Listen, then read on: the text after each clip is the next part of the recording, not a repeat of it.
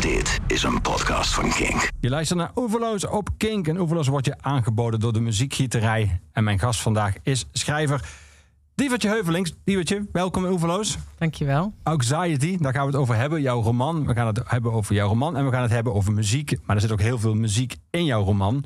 Ehm, de hoofdpersoon, eh, laten we daar eens mee beginnen. De hoofdpersoon, nou, in ieder geval één van de hoofdpersonen. eh, maar wat misschien de belangrijkste, de vrouwelijke hoofdpersoon van jouw roman. Heeft op een gegeven moment over de, eh, de eerste, eh, eerste muziek die ze kocht. De eerste singeltjes die ze kocht. Eh, en dat waren eigenlijk twee. Dat was Miss Jackson. En daarna had ze zich als bonus...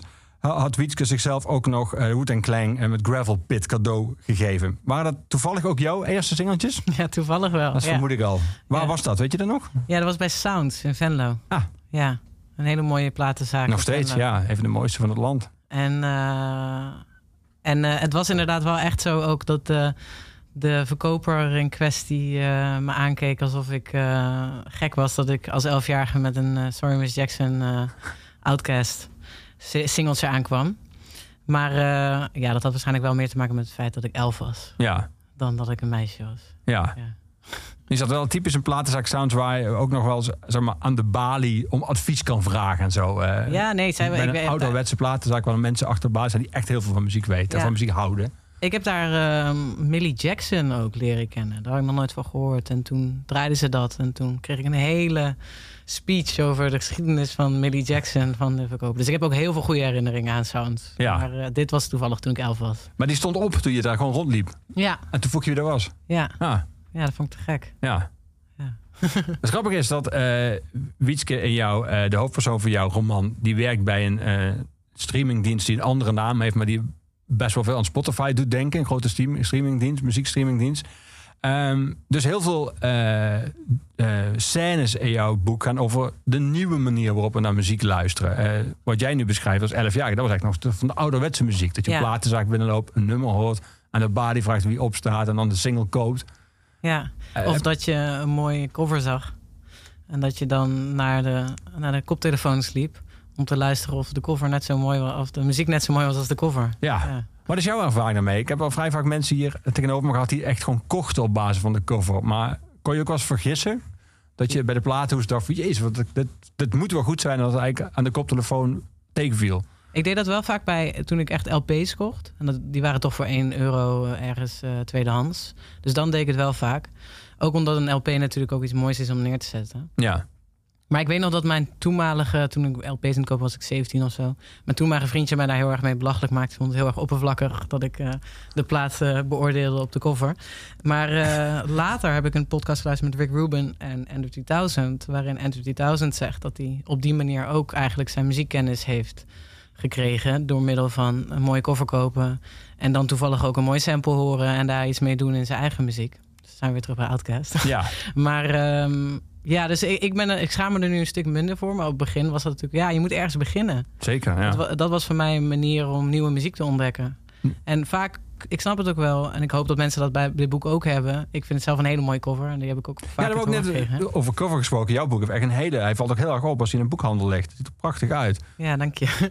Dus ik ben daar ook heel blij mee. Dus ik hoop, ook, ik hoop dat dat dan ook een beetje een afspiegeling is van wat het boek is. Dat is Ja. wel de bedoeling. Het is ook een speelse cover en het heeft ook vrij kinderlijke kleuren. En ik probeerde ook op die manier ook wel een, een, eh, ja, iets, iets luchtiger, maar wel een beetje artistiek. En ook een beetje ja, donker. Een, een, eh, een, vermoeid oog. En, Ja. ja.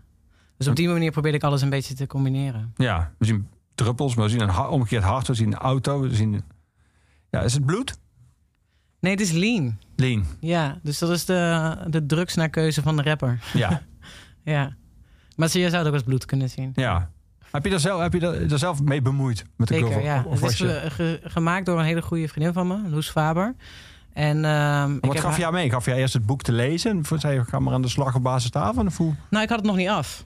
Eh, de, het, ik heb het in februari hebben we het laten maken. En de, de uitgever heeft dan zo'n zo'n foldertje... wat ze dan aan de, aan de, De boekhandel sturen, de boekhandels eh, meegeven voor het inkopen van het voorjaar. En, en, en ze hadden er besloten dat ik de cover moest worden. Dus we moesten iets heel moois maken. Of nee, ze hadden dat volgens mij pas besloten toen ze het al gezien hadden. Maar, eh, dus we moesten iets maken Ja. al voordat ik het überhaupt boek af had. Want dat was februari. Dus ik heb haar een paar hoofdstukken gestuurd die ik al wel af had. En toen heb ik wat schetsjes ook naar haar gestuurd. En gezegd, uh, en er waren ook nog wat andere ideeën uh, waar we niet mee door zijn gegaan. Maar dit was uh, iets waarvan we alle twee heel erg comfortabel waren. Dat het echt, ja, het is een beetje een, de, ook de, de kleuren. Ik was toevallig laatst weer aan het kijken naar alle andere opties die we hadden. En ik heb de, afge echt... de afgekeurde opties. Ja, ja, want ik was dus heel erg aan het pushen op een, witte, een, witte, een wit boek. En mijn uitgever vond dat geen goed idee. En ik snap nu ook waarom. Ik heb zelf mijn eigen kopie bij me en die is al lang niet meer wit. dus het wordt natuurlijk heel snel vies. Maar uh, ja, ik ben er achteraf wel eigenlijk heel erg blij mee. Ja. Waarom wilde jij wit? Omdat het heel, ik hou heel erg van dat, uh, van dat contrast van die, van die primaire kleuren met het witte. Dat doet me een beetje denken aan een, uh, aan een Mondriaan of zo. Ja, en nou het zegt, ja. Cool. Nou, hij ziet er prachtig uit. Um, laten we muziek draaien. Laten we het nummer draaien waar we het hele tijd over hadden. Dat nummer dat jij als 11 jaar gekocht bij Sounds en Venlo. Miss Jackson van Outcast.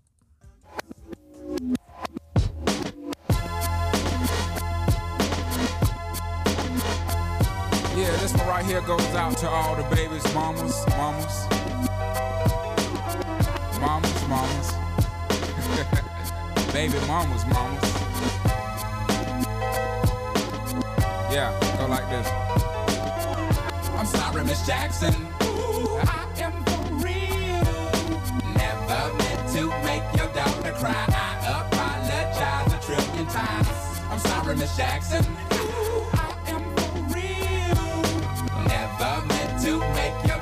Your baby is drama, mama. Don't like me. She be doing things like having the boys come from her neighborhood to the studio trying to fight me. She need to get a piece of American pie and take her bite out. That's my house. I disconnect the cable and turn the lights out. And let her know her grandchild is a baby and not a paycheck. Private school, daycare, shit, medical bills, I pay that. I love your mom and everything. See, I ain't the only one who lay down. She wanna rip you up, start a custody war. My lawyer, stay down. She never got a chance to hear my side of the story. We was divided. She had fish fries, cookouts for my child's birthday. I ain't invited, despite it. I show her the utmost respect when I fall through. All you do is defend that lady when I call you. I'm sorry, Miss Jackson. Ooh, I am for real. Never meant to make your daughter cry. I apologize a trillion times. I'm sorry, Miss Jackson. Ooh, I am for real. Never meant to make your daughter cry. I apologize a trillion times. Me and your daughter got a special thing going on. You say it's puppy love. We say it's foreground. Hope that we feel this, feel this way forever. Plan a pretty picnic, but you can't predict the weather. This Jackson times out of nine. Now if I'm lying, fine. The quickest muzzle, throw it on my mouth and I'll decline. King meets queen, then the puppy love thing. Together dream about that crib with the good year swing. On the oak tree, I hope we feel like this forever, forever, forever, ever, forever, ever. Forever never seems that long until you're grown. And notice that the day by day ruler can't be too wrong. Miss Jackson, my intentions were good. I wish I could become a magician to abracadabra all the sadder. Thoughts of me, thoughts of she, thoughts of he. Asking what happened to the feeling that her and me had. I pray so much about it, need some knee pads. It happened for a reason, one can't be mad. So know this, know that everything's cool. And yes, I will be present on the first day of school and graduation. I'm sorry, Miss Jackson. Ooh, I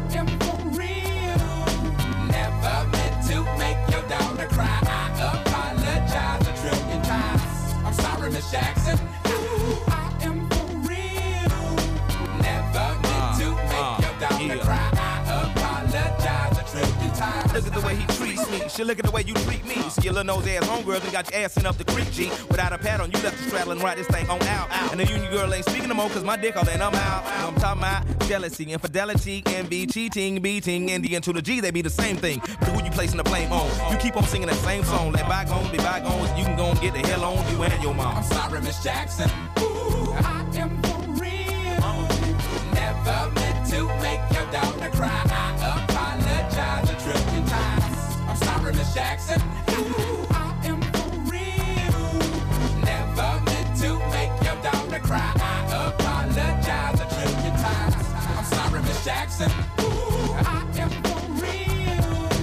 Never meant to make your daughter cry. I apologize a trillion times. I'm sorry, Miss Jackson.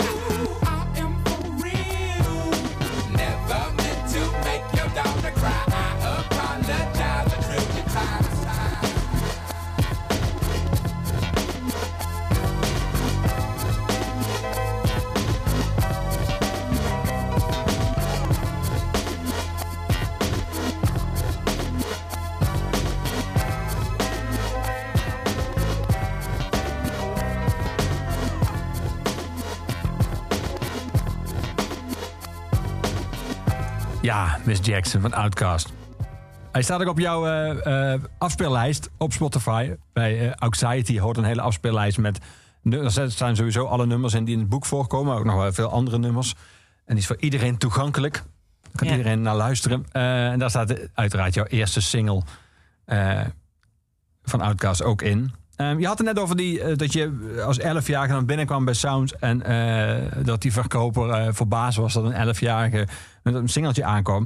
Nu staan er, eh, ik neem aan dat je dat niet over hem bedoelt... maar nu staan er in jouw boek best wel wat mannen die zelf vinden... dat ze heel veel verstand hebben van muziek en ei- eigenlijk van alles... Eh, en ook eh, vinden dat ze eh, vrouwen, in dit geval eh, vooral Wietske, eh, dat ook allemaal moeten vertellen. Je schrijft ergens, Wietske had het geluk dat eh, ze in de tijd van het internet opgroeide. Want ze was ze tien jaar eerder geboren. Dan was haar liefde voor muziek afhankelijk geweest van mannelijke experts.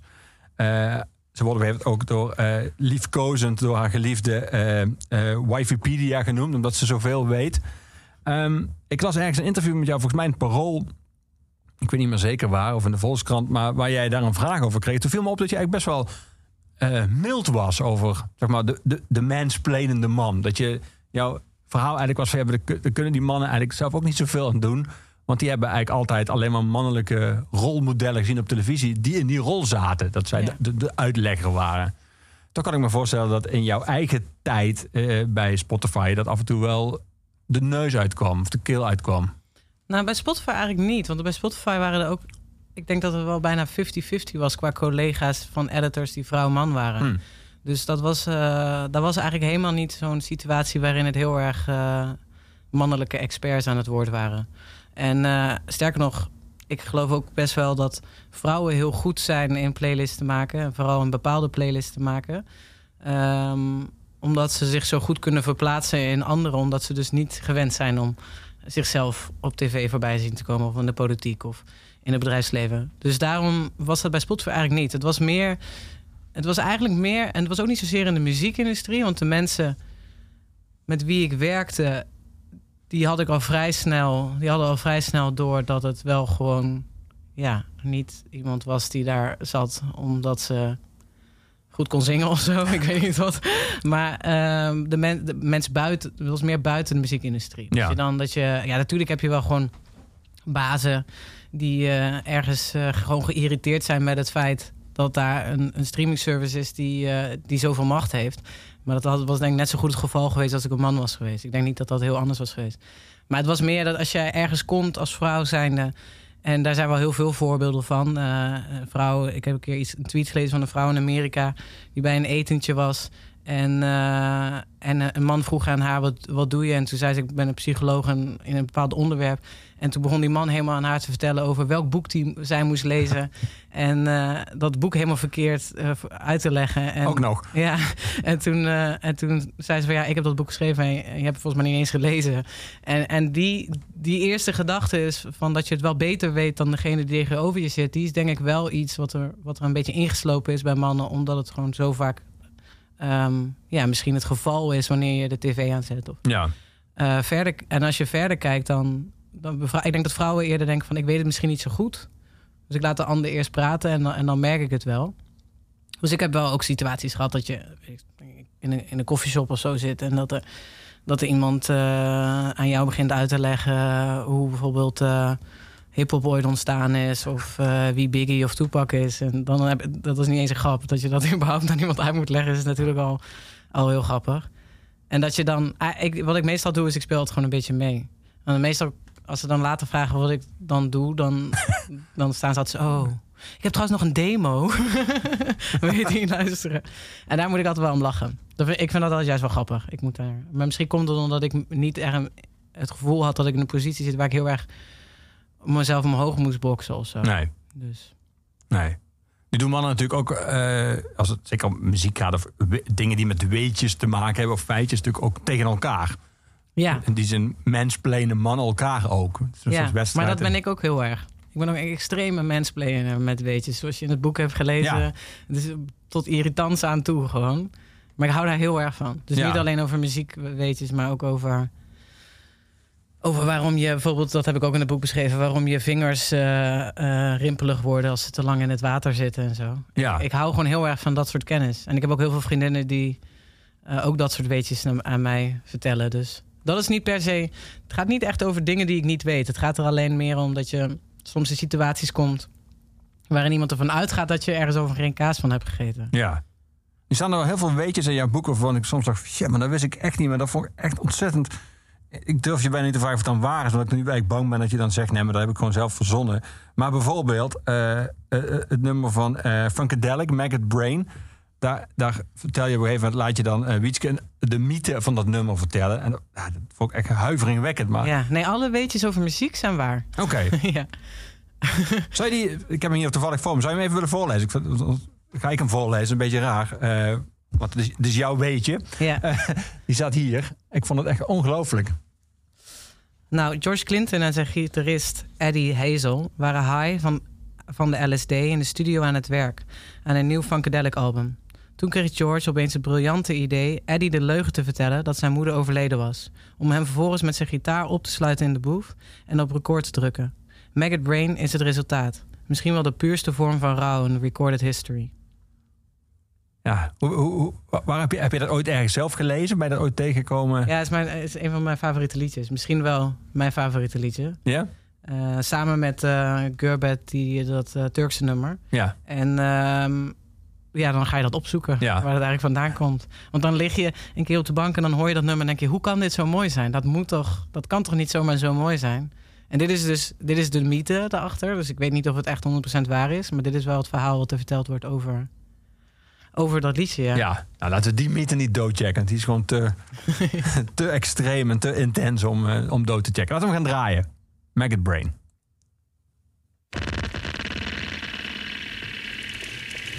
Mother Earth is pregnant for the third time. For y'all have knocked her up.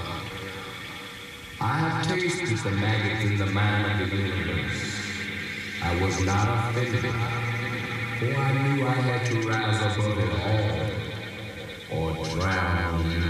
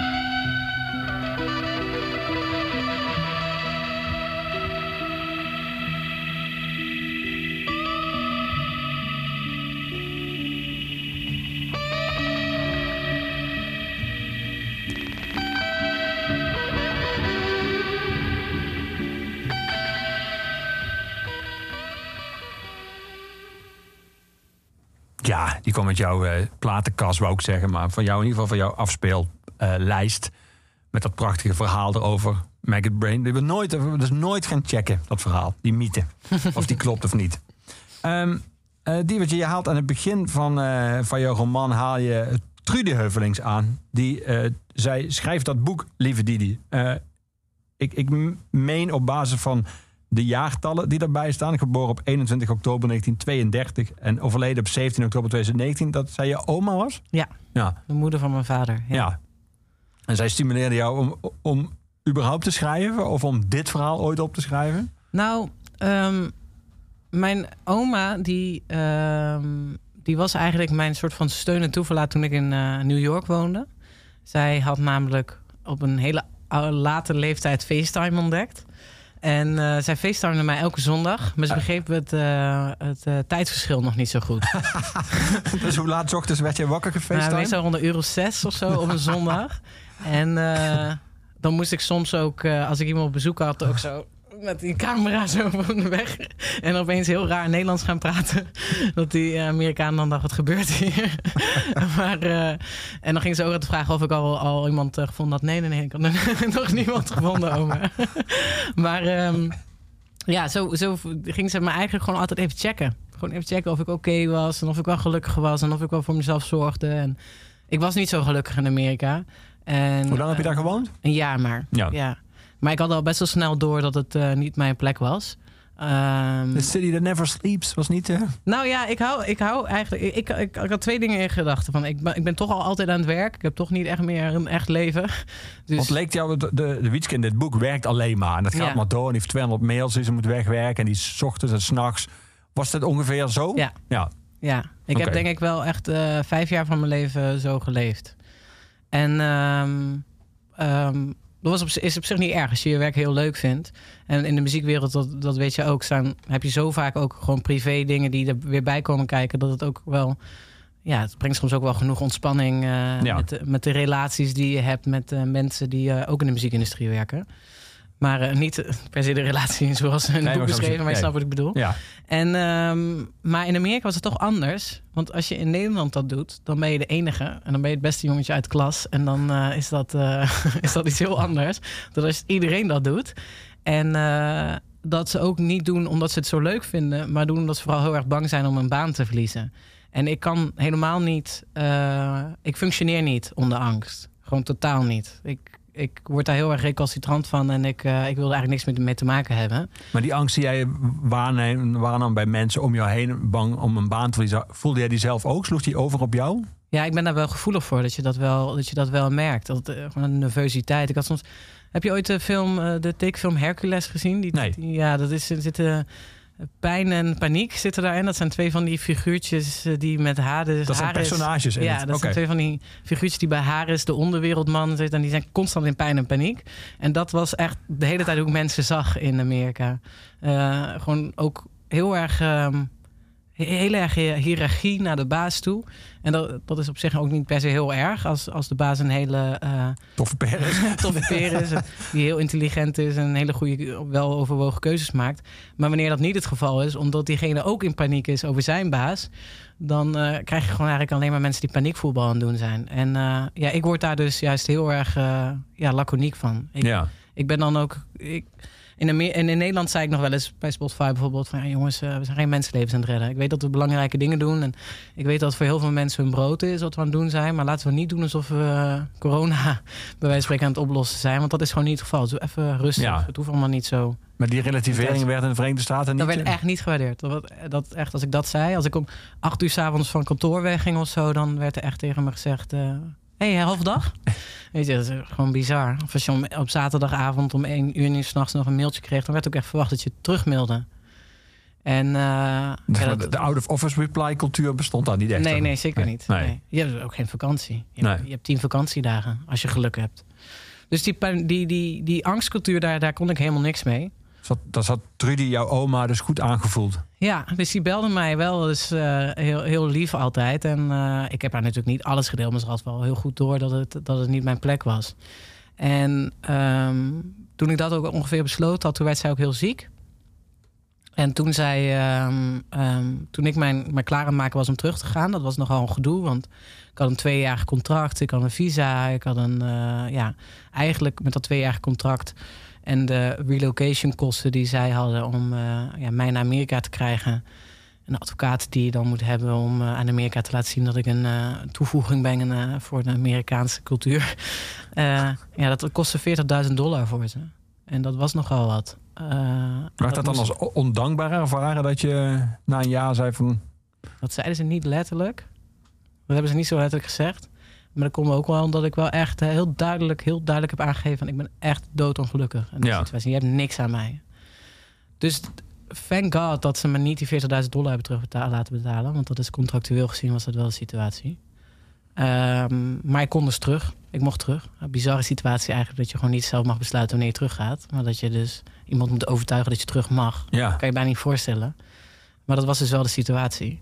En toen ik eh, terug in Nederland kwam, toen eh, was ik, het was er heel spannend met mijn oma. Want ze was al opgenomen in het ziekenhuis. En eh, ja, het kon elk moment afgelopen zijn.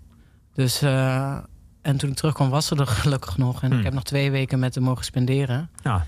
En ze wist, ondertussen had ik haar al verteld wat dan wel mijn plan was. En dat was het boek schrijven. En ze was eigenlijk wel een van de enige mensen die, tegen wie ik dat gezegd had. En dat, was de dat zijn de laatste woorden geweest die ze tegen me gezegd heeft. Voordat ze naar de hospice ging en eh daar toen kwam te overlijden. ja. En dat, eh, ja, dat heb ik meegenomen. Ja.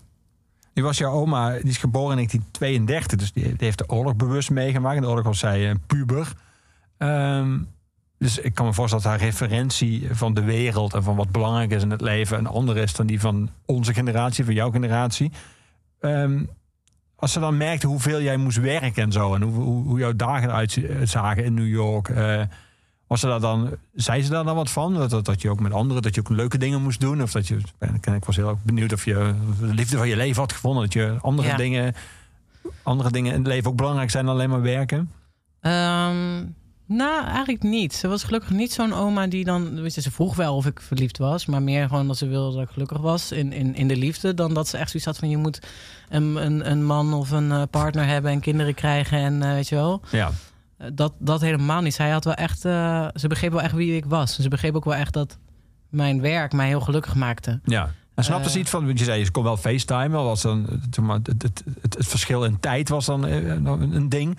Maar snapten ze wat, spot, wat je deed? Was, snapten ze wat Spotify en streamingdienst, dat je daar nummers op afspeelt? En... Ja, volgens mij wel. Hmm. Want eh, er zijn ook wat situaties geweest waarin ik... eh, ik kreeg soms gouden platen. Ik weet niet of je dat ook wel eens... dat je dan eh, ergens iemand hebt geholpen.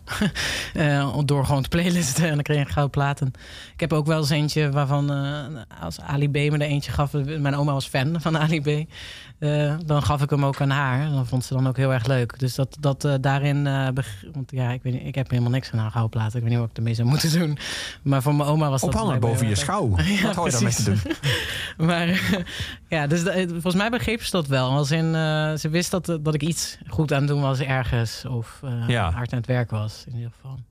Nu zei je net dat je dat jaar dat je in New York was en alleen maar werkte, dat je daar zeker niet gelukkig was. Ehm, heeft dat je relatie met New York eh, bepaald? Als jij nu aan New York denkt, voel je dan bijna alweer een soort stress? Of kun je nog steeds van die stad houden, ondanks dat een jaar in die stad je niet echt gelukkig heeft gemaakt? Nou, ik wilde niet per se weg uit New York. Ehm, ik had wel moeite met New York. En dan vooral met eh, de ongelijkheid en, en, de, en de... Ik had vrienden die muzikant waren en die kwamen soms bij me en hadden ze al twee dagen niet gegeten omdat ze gewoon simpelweg geen geld hadden. Eh, en, en ik verdiende zo belachelijk veel geld dat ik nooit had verwacht dat ik zoveel geld zou verdienen ooit in mijn leven. Want ik ben nooit in de muziek gegaan om geld te verdienen. Want in de tijd dat ik MEM ging studeren, Media Entertainment Management, het was 2007, dus toen lag de hele muziekwereld op zijn gat. Niemand dacht dat ze ooit geld zouden gaan verdienen in de muziek. Dus het feit dat ik daar opeens zoveel geld verdiende... eh, maar ik was ook ja, eigenlijk alleen maar bezig met eh, mensen te helpen die het Ja. nodig hadden in zekere zin. Eh, dus het was voor mij ook eh, eh, wel heel confronterend. Dat, dat je dan iets doet waarvan je, ja, toch wel, als je het heel erg relativeert. Het is leuk en het is belangrijk, maar het is niet heel belangrijk. En dat vind ik nog steeds wel heel lastig. Als je kijkt naar de, sommige functies die zo belachelijk veel betaald worden. En mensen, ik heb afgelopen vrijdag les gegeven op een middelbare school in Venlo. Nou, dat vond ik best zwaar. Die oude stad. Ja, ik vond het lesgeven echt wel zwaar voor een middelbare school. Toen dacht ik, nou, het is echt ongelooflijk dat je dan, eh, ja, dat je dat, dat, dat die, dat verschil tussen belangrijke beroepen en zware beroepen en wat minder belangrijke beroepen en, en, en leuke beroepen tussen Ja. haakjes en de, en de prijs, eh, het verschil daartussen, of het loonverschil daartussen, vind ik, vind ik best wel shocking. En in Ja. Amerika was dat nog erger. Toen ik, ehm, dan had je bij, bij, bij het bedrijf waar ik werkte, had je altijd security mensen waar ik veel mee sprak. Ook omdat ik gewoon, ik ben ik gewoon echt niet gewend dat mensen bij een security of, of eh, mensen die bij een kassa werken of zo gewoon zo vrolijk, vriendelijk en vrolijk met je zijn. Dus dan ga ik ook met ze praten. En zij, dat is bij hun natuurlijk gewoon een manier hoe ze werken.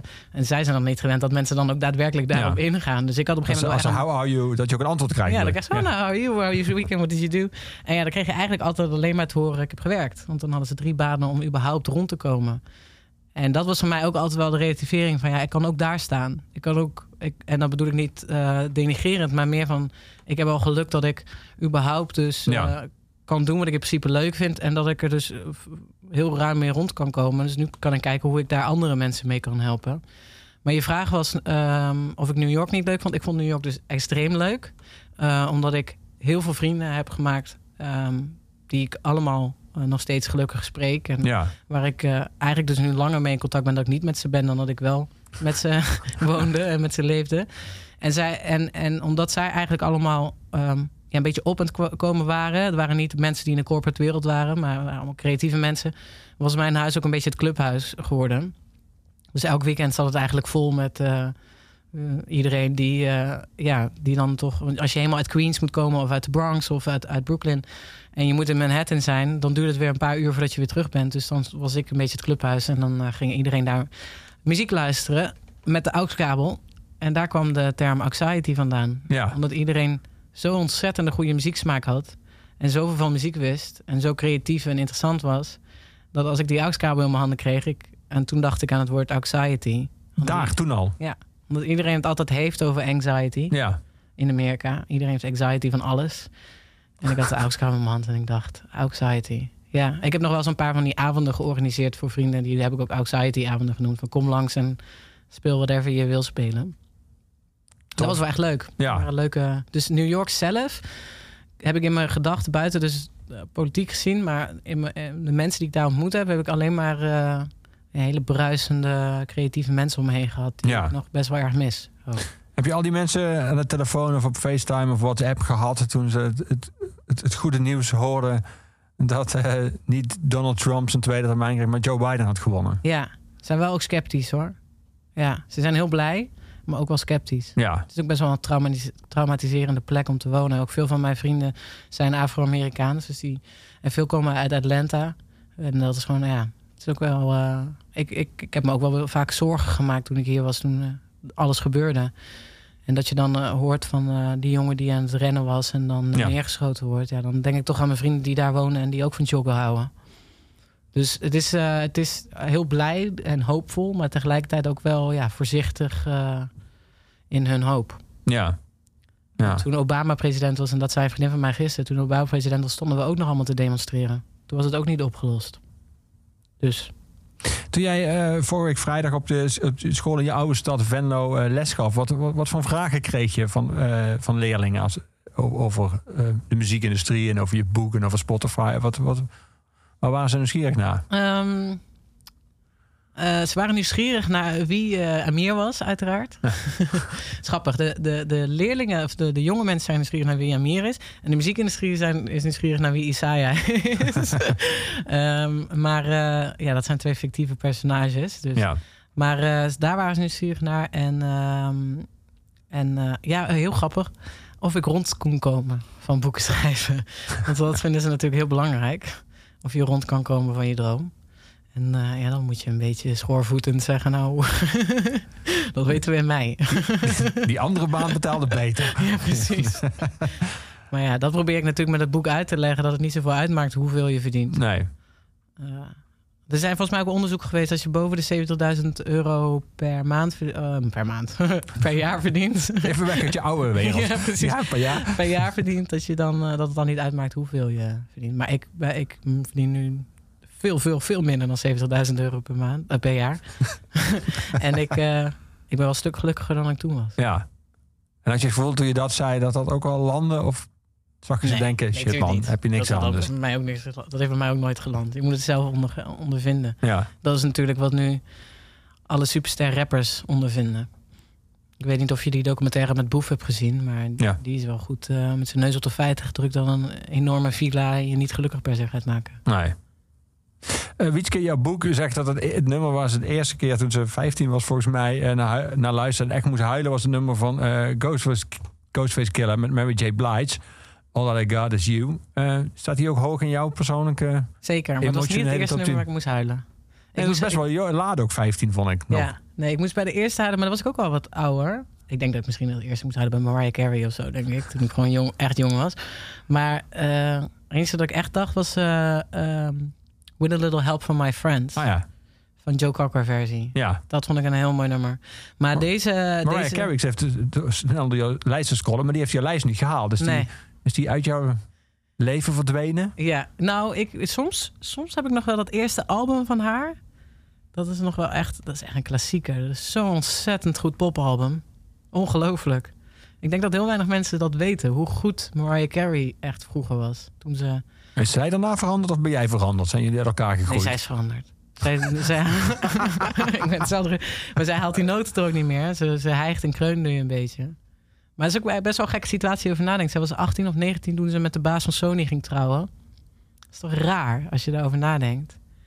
Als je, als je, ik denk dat het in die tijd veel normaler was om dat normaal te vinden. Terwijl als je nu denkt van ja, ik heb met, art, ik heb met een artiest gewerkt van 19 jaar een meisje. Als zij met de baas van Sony was getrouwd op dat moment, had ik echt eh, had ik stennis geschopt. Want dat, zijn, dat was gewoon een kind. Ja. Dus, eh, maar Mariah Carey zat er niet in. Nee, nee die Nee. heeft niet echt iets toe te voegen aan dit verhaal. Ghostface Killer en Mary J. Blige samen met All That I Got Is You. What they give you, blood?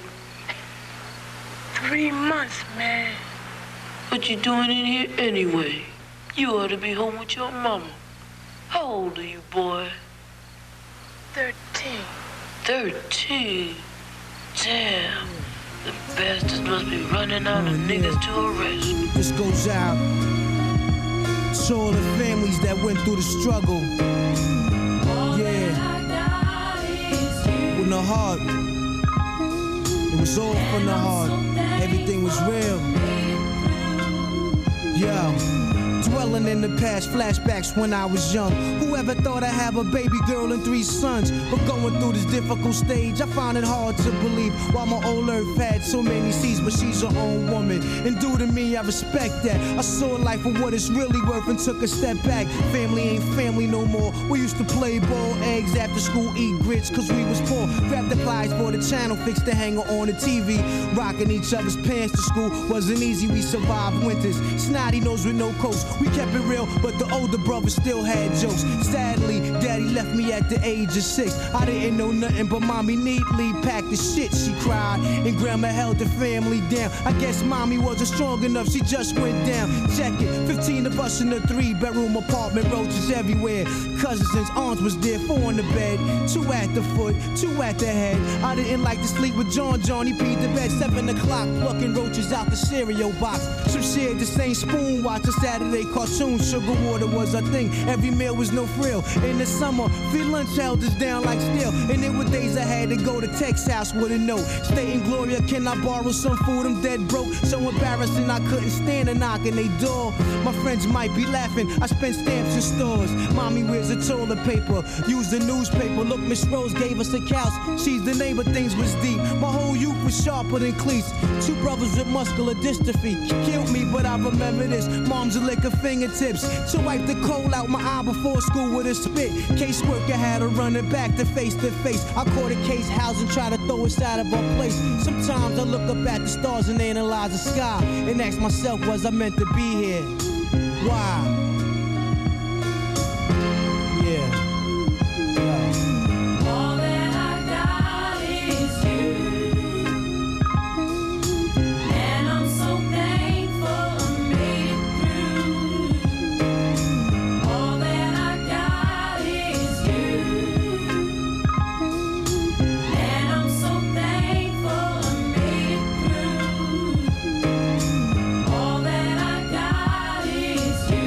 Word up, mommy. I love you.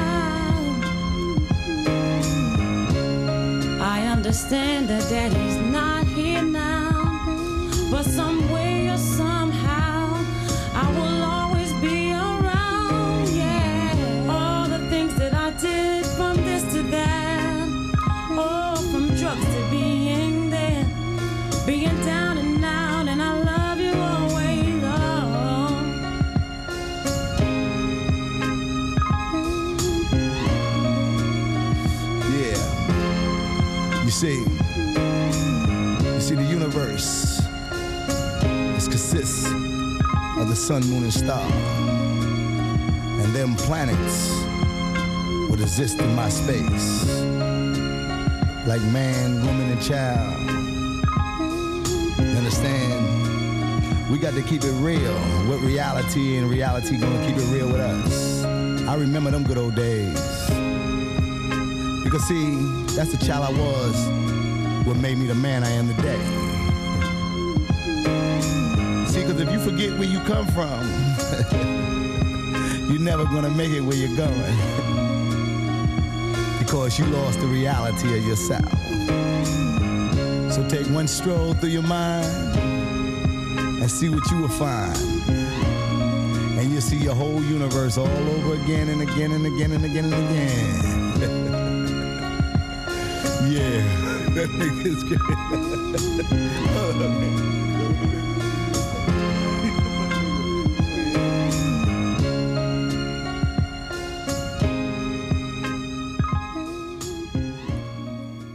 Mary J. Blige je en Ghostface Killer samen.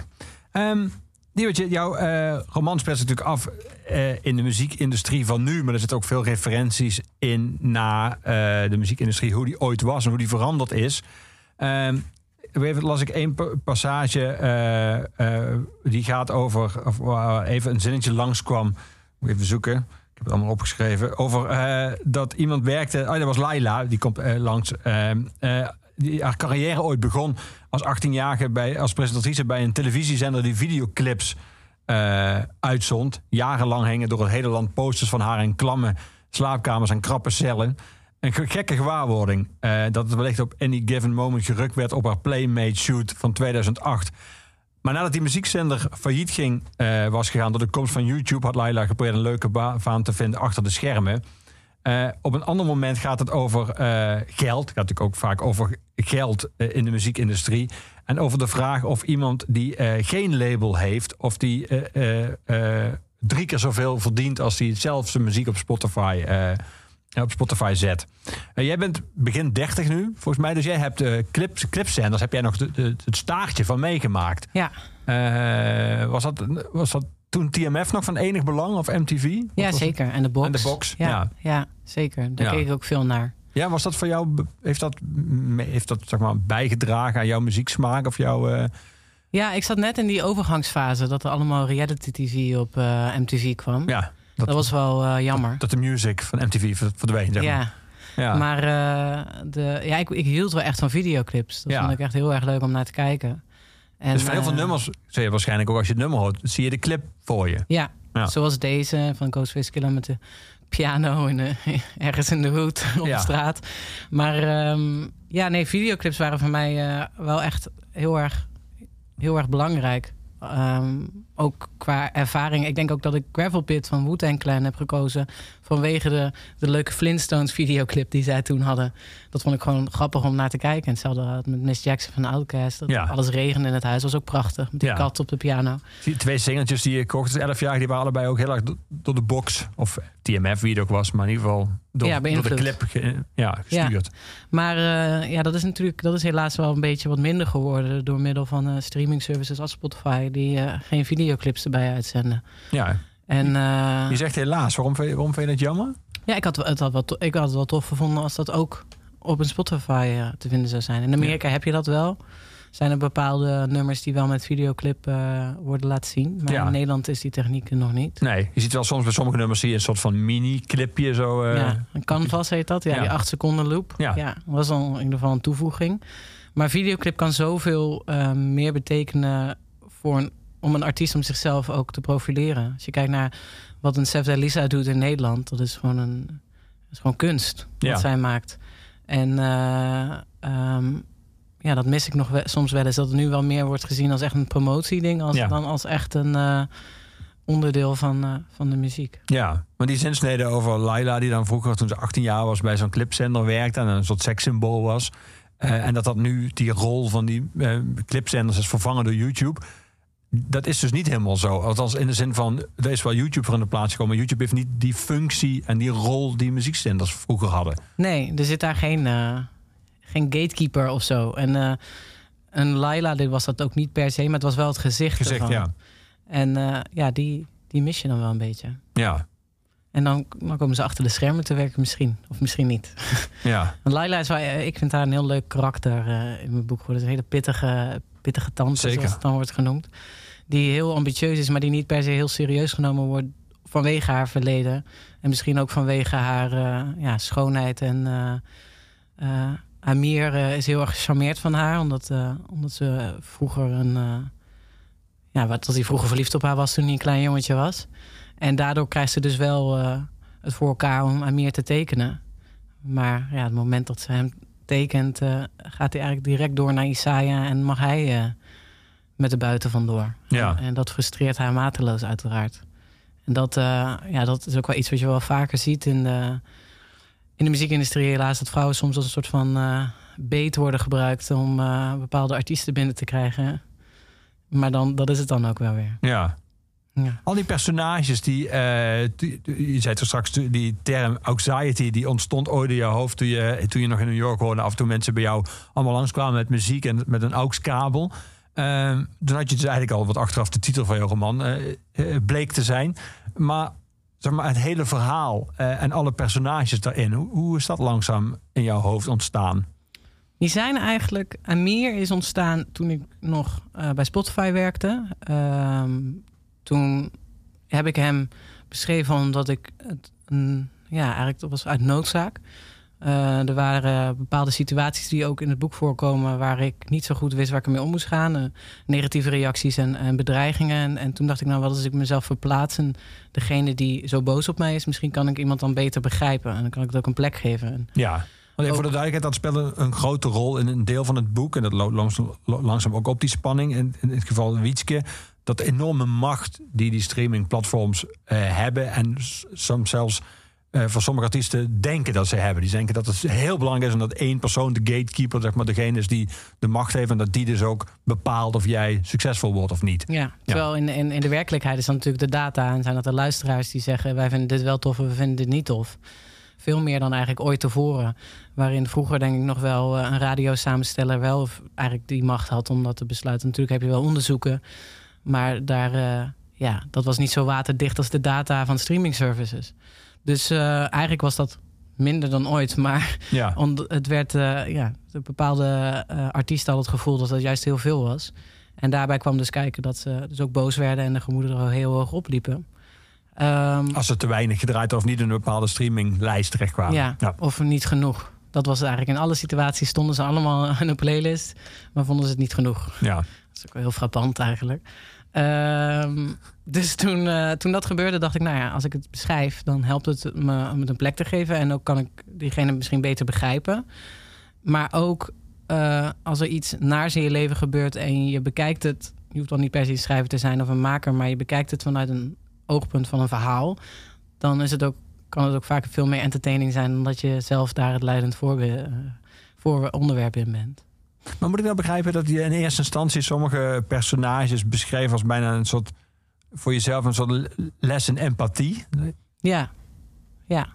Dus niet noodzakelijkerwijs bedoeld Nee. toen om gepubliceerd te worden en onderdeel te zijn van een veel groter verhaal. Nee, het was voor mij echt een, eh, bijna een soort van therapievorm Ja. was het. Ja. En ik hoop dat ik wel empathie heb. eh, maar eh, je kan nooit genoeg empathie hebben, denk ik. dus het, het hielp mij. En, ehm, maar toen kreeg ik die baan in Amerika aangeboden. En toen ben ik daar eigenlijk mee gestopt. Omdat ik eh, ook niet meer zoveel daarover na wilde denken. Ik, eh, ik was wel even klaar met de, met de Nederlandse scene. En ik had zoiets van... eh, nieuwe start in Amerika, eh, land of opportunities, weet je. Dan, dan laat je alles achter je en dan ga je ervoor. Dus toen ben ik gestopt. En toen ik eh, daar dus was en, en, en daar dus niet gelukkig was, toen ben ik weer gaan schrijven. Maar toen waren dat vooral gedichten. Eh, dat ik, op dat, een of andere manier kwam dat uit mij op dat moment. En ehm, Amerika is natuurlijk ook het land van gewoon doen. En eh, je kan alles en eh, je niet tegen laten houden. Alles is mogelijk. Dus toen ben ik ehm, met die instelling, die Amerikaanse instelling, ook gaan eh, voordragen bij poëzieavonden. En dat beviel me eigenlijk zo goed. En daar werd ook zo enthousiast op gereageerd. Dat ik dacht, hmm, misschien is dit het wel. Misschien is dit wel wa- wat ik graag wil doen. En eh, hoe meer ik schreef, hoe gelukkiger ik werd. En toen dacht ik steeds maar terug aan dat boek wat ik ooit was begonnen voor mezelf. Ik kan het zeggen, want er ligt nu geen poëziebundel voor me op tafel, maar jouw debuutroman. Ja. Ja. Eh, ja, omdat ik wel echt dacht van... Want ik weet nog dat ik het aan het schrijven was in Nederland. Dat ik dacht van, oh, dat kan eigenlijk best wel leuk worden. En ehm, ik dacht ook, ik denk dat mensen dit toch wel ook interessant kunnen vinden. Je bent toch ook wel echt aan het denken van... Wat, wat gaat ook daadwerkelijk een boek zijn wat mensen willen kopen? En ik weet niet of... Poëzie is nu op zich best wel populair. Maar ik weet niet of mensen per se aan het wachten zijn op... eh, poëzie eh, van Diewert Heuvelings uit New York. Eh, misschien, hopelijk ooit. Maar ja, ik dacht van dit, dit kan wel een verhaal zijn wat mensen ook wel... Omdat, omdat er natuurlijk ook heel veel aandacht was voor die tijd in de Nederlandse muziekindustrie. Want uh, hip-hop had toen die explosieve groei meegemaakt. En ehm, ik zag dat ook in de streams. Van februari 2015 waren er 10 miljoen maandelijkse streams op Nederlandse hip-hop. En in november 2017 waren het 300 miljoen. Dus dat was een enorme explosie. En, en uh, als er een boek was geweest over de tijd dat MTV uh, uh, groot werd, had ik dat ook heel erg leuk gevonden om te lezen. Dus ik dacht van ja, dit is best wel een, een tof verhaal eigenlijk. Dus toen ik terugkwam, toen, toen werd Amir ook wat anders in mijn hoofd. Toen werd Amir begon zijn eigen vorm aan te nemen. Ja. Nou, dan had je natuurlijk, uh, Wietske was niet zo lastig om in, te leven. Nee. En uh, Anisaya is uh, dus de persoon die bij het label werkt. Ja. Die is wel echt ook die had ik niet kunnen schrijven als ik niet naar New York was gegaan. Want die labelkant van het verhaal, die heb ik natuurlijk daar opge, opgepikt. En eh, ik vond het wel een interessant eh, punt in de driehoek van eh, ja, hoe, hoe- er in de muziekindustrie gewerkt wordt. Ja. Dus ehm, drie, die drie eh, ja, karakters die zijn eigenlijk vanzelf een beetje op die manier ontstaan. Maar ho- hoe ze gevormd zijn en ehm, wat ze gingen doen, dat, dat kwam vanzelf. Dus ik werd 's ochtends wakker en ik, ik schreef altijd. ehm, ik heb best wel snel geschreven. eh, omdat ik.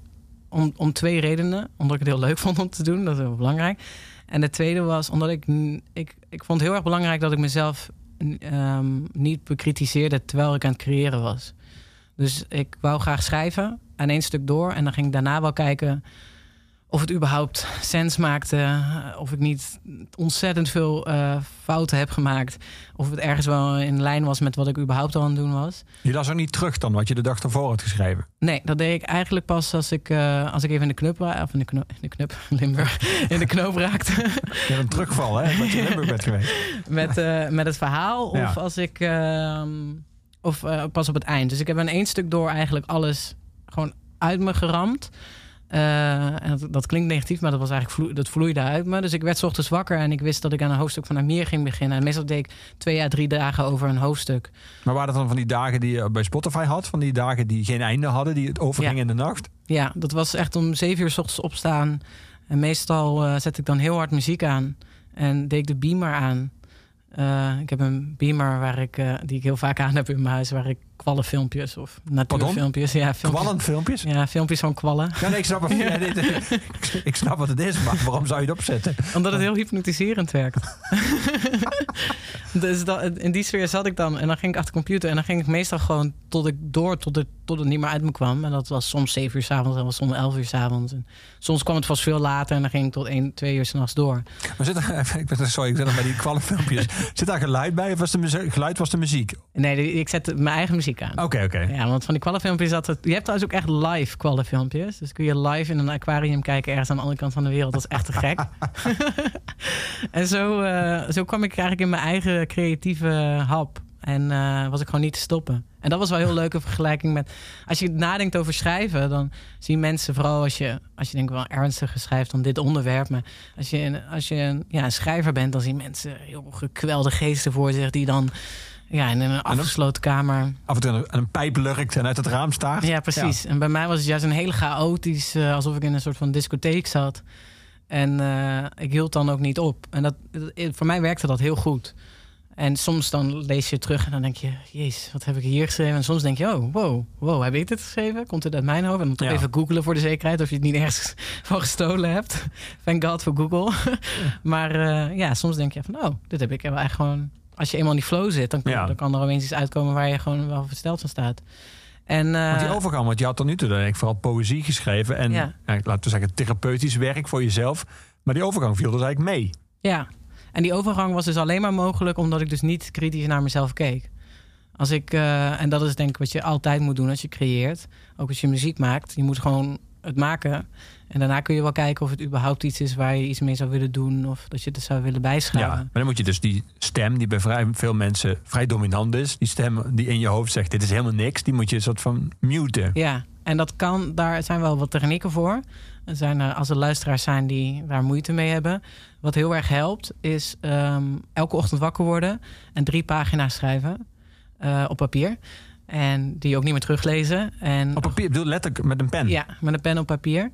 En ehm, alles schrijven wat je in je hoofd hebt. Dus de droom die je hebt gehad. Of dat gisteren iemand voor is gekropen bij de supermarkt en je daar heel boos over werd. Gewoon alle, alle ja, kleinzielige dingen die je kan bedenken. En misschien grote dromen. Maar het moment dat je dat doet, ehm, zonder jezelf te checken, zonder op uh, zinsopbouw of grammatica of spelling te checken, krijg je die stem stil. Omdat je daar helemaal niet mee bezig bent. Je bent alleen maar bezig met het uitje krijgen. En dus één, dus het is een handige oefening om die stem stil te krijgen, maar het is ook een handige oefening. En vervolgens ga je verder dus. Ga je ja, gewoon... vervolgens stop je. Kijk je er ook niet meer naar. En ehm, heb je dus ruimte in je hoofd. Want al die kleinzielige dingen die je hebt, kleinzerige dingen die je hebt, die, eh, die zijn weg. Want die heb je al van je afgeschreven. En dan heb je dus ruimte voor het belangrijke werk, namelijk wat je wil creëren. Ja, ja. Dus dat is niet alleen voor schrijvers interessant, maar ook voor eigenlijk, ja, eigenlijk iedereen. Eigenlijk voor iedereen, ja. Dus dat, dat, is wel een, dat is een tip die mij eigenlijk pas veel later is gekomen, maar die ik eh, onderbewust eh, al veel langer aan doen was. Ik schrijf namelijk al dagboeken sinds ik elf ben, misschien wel eerder. Toen je naar Sounds ging en je singeltjes kocht. Ja. Dat staat ook in een dagboek. Nee, nog. dat heb ik niet in het Ja. dagboek geschreven. Nee, op die leeftijd was het. Ik heb, eh, ik heb verkering met eh, Max uit eh, groep 5 of zo. Dat, dat soort dingen.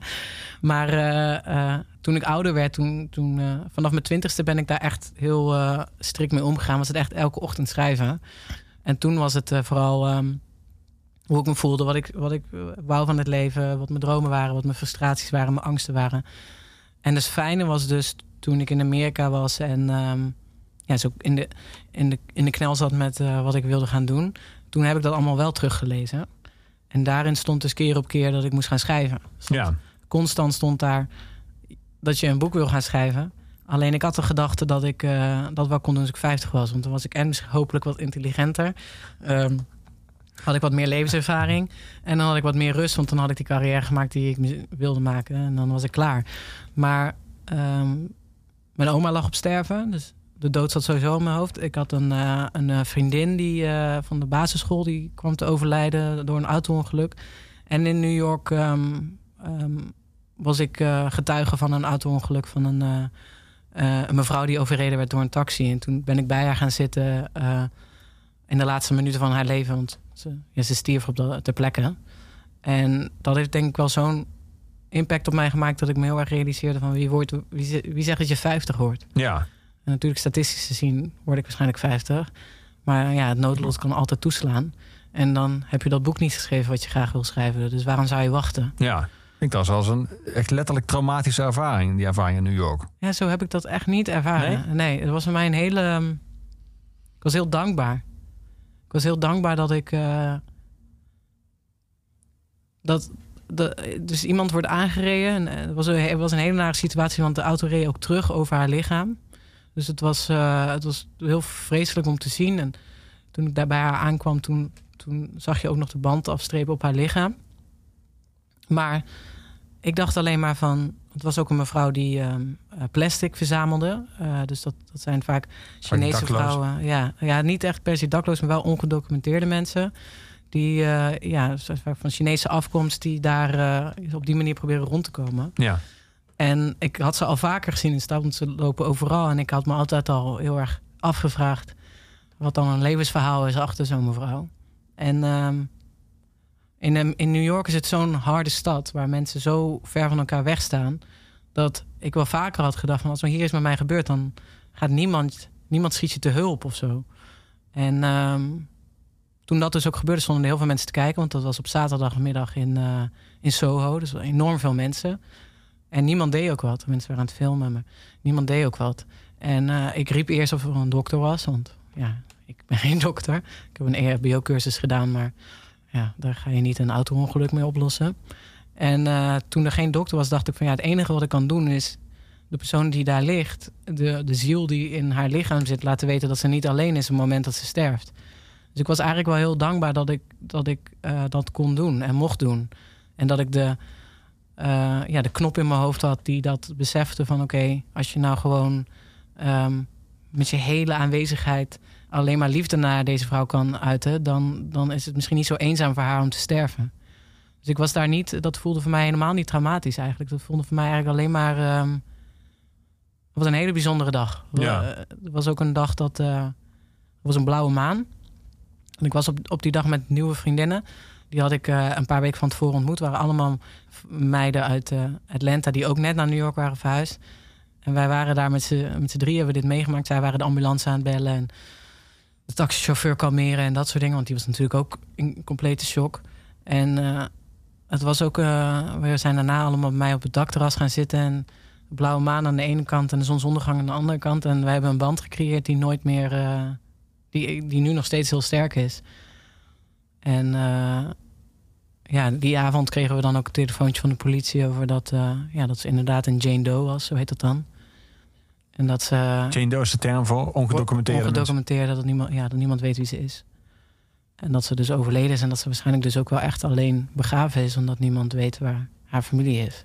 Dus het enige wat ik kon doen op dat moment was. Ik kende haar dan niet, maar wel laten zien van je bent niet alleen of zo. Dus ik was, dat was niet traumatiserend, maar Nee. het was wel heel, heel erg een re- reality check. Je moet dit anders gaan doen. Ja. En alle vrouwen in die groep, dus al mijn vriendinnen, Mhm. zijn allemaal gestopt met hun werk. en zijn allemaal iets anders gaan doen. Ja. Wauw. We zijn allemaal hebben we zoiets van: oké, wacht even. Dit kan zomaar over zijn. Wat Ja. ben ik aan het doen? Dit is niet wat ik wil doen. Ja. Dus ehm, ja, je vroeg natuurlijk over het creëren. Alles, eh, ja, en Laila is er echt bijgekomen. En ik vond eh, de mensen die het vers van mij weg stonden, ik vond Wietske het, het vervelendste om te schrijven. Dat Omdat ze zoveel op jou lijkt. ja, omdat ze zoveel op mij lijkt, maar ook omdat het. Ja, je, leg, je moet uitleggen wat haar bezigheden waren en waarom het dan allemaal zo serieus werd genomen. En daar komt toch wel hele droge informatie bij kijken die ik niet heel interessant vind, maar die de rest allemaal wel heel erg interessant vindt.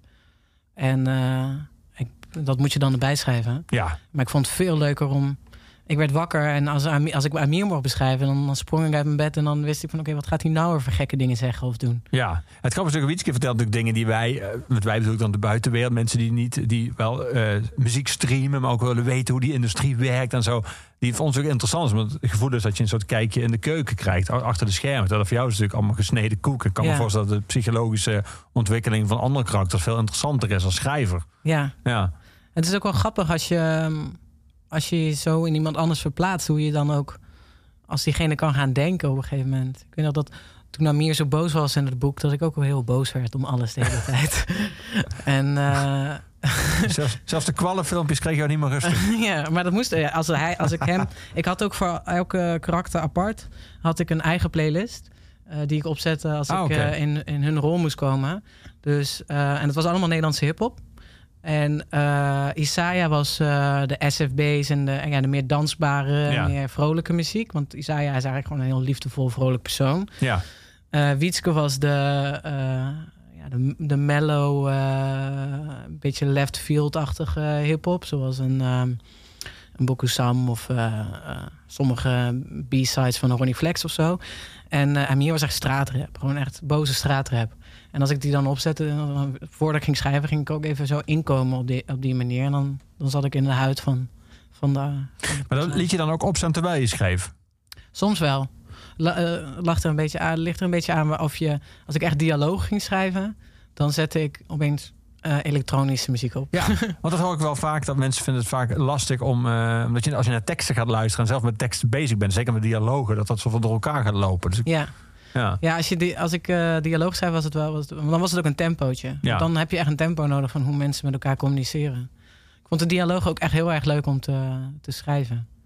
Die briefjes die jij eh, in het begin aanhaalde, je zei je moet die, die, die stem in je hoofd, die kritische stem, die moet je die zorgen dat die, die gemute wordt. En een manier daarvoor is om s ochtends als je wakker wordt, zo eerst drie pagina's gewoon op te schrijven wat er al- alles in je hoofd zit. Heb je die bewaard?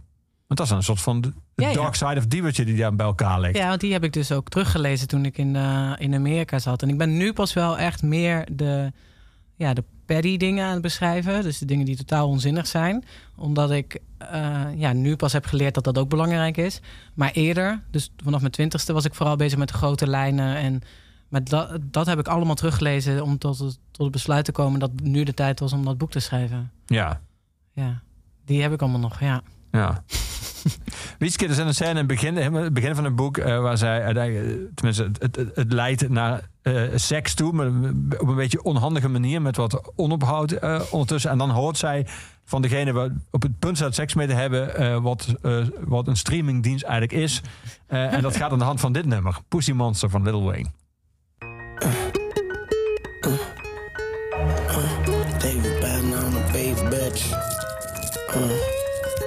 Uh, I got a, I got a, I got a, I got a, I got a sweet tooth. I got a sweet tooth. I got a sweet tooth. I got a sweet tooth. Now can I eat you?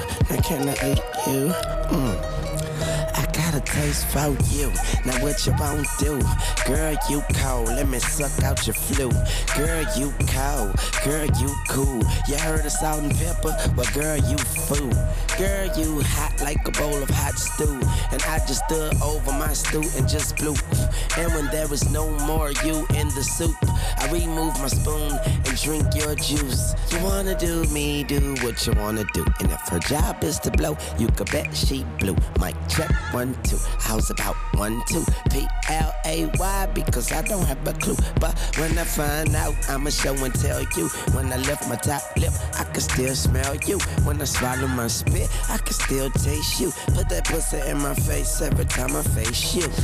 It go P U S S Y because it's the reason I am alive. Mama, I needed to stay alive. It's like I gotta eat it just to survive. Hi, I'm the pussy monster, the pussy monster, the pussy monster, the pussy monster. And you gotta feed me pussy, pussy, pussy, pussy, pussy, pussy, pussy, pussy, pussy, pussy. I gotta, I gotta, I gotta, I gotta, I gotta sweet pussy. I gotta sweet pussy. I gotta sweet pussy. I gotta sweet pussy. I can't eat you. I can't eat you. Now let me get back to her. She called me Dracula, and I vacuum her. Catfish, catfish, that cat tuna. I smack it up, flip it like a spatula. Lil Chris said, run it, and I tackle ya. Baby, can I be the worm in your apple? Boy, now on, back it up. And if you back it up, I suck the front of that pussy from the back of ya. And I'm a urban legend like a black Acura. My taste buds set on a black actress. Action, the cameras is looking. And I hope you make me eat my words. Cause my words is pussy. Pussy, pussy, pussy, pussy, pussy, pussy, pussy. Yeah, and I'm the pussy monster. The pussy monster. The pussy monster. The pussy monster. And you gotta feed me pussy.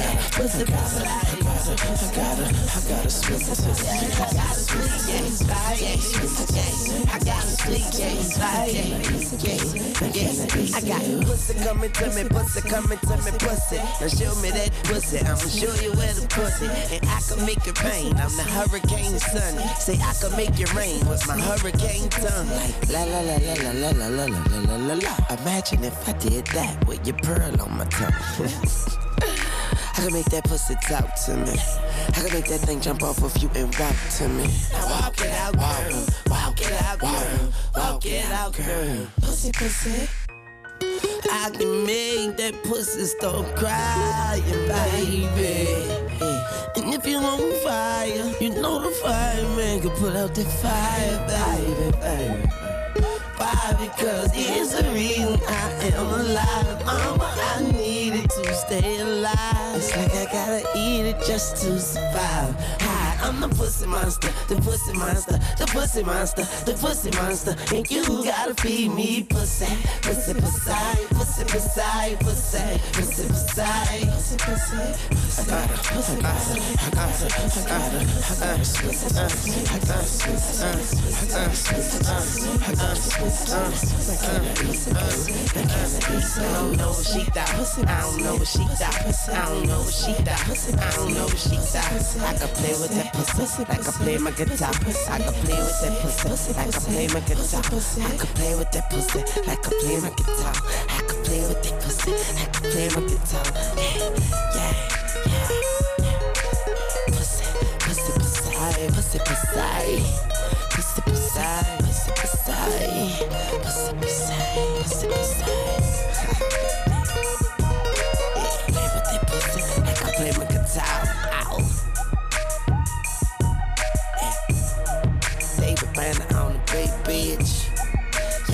lullaby, baby.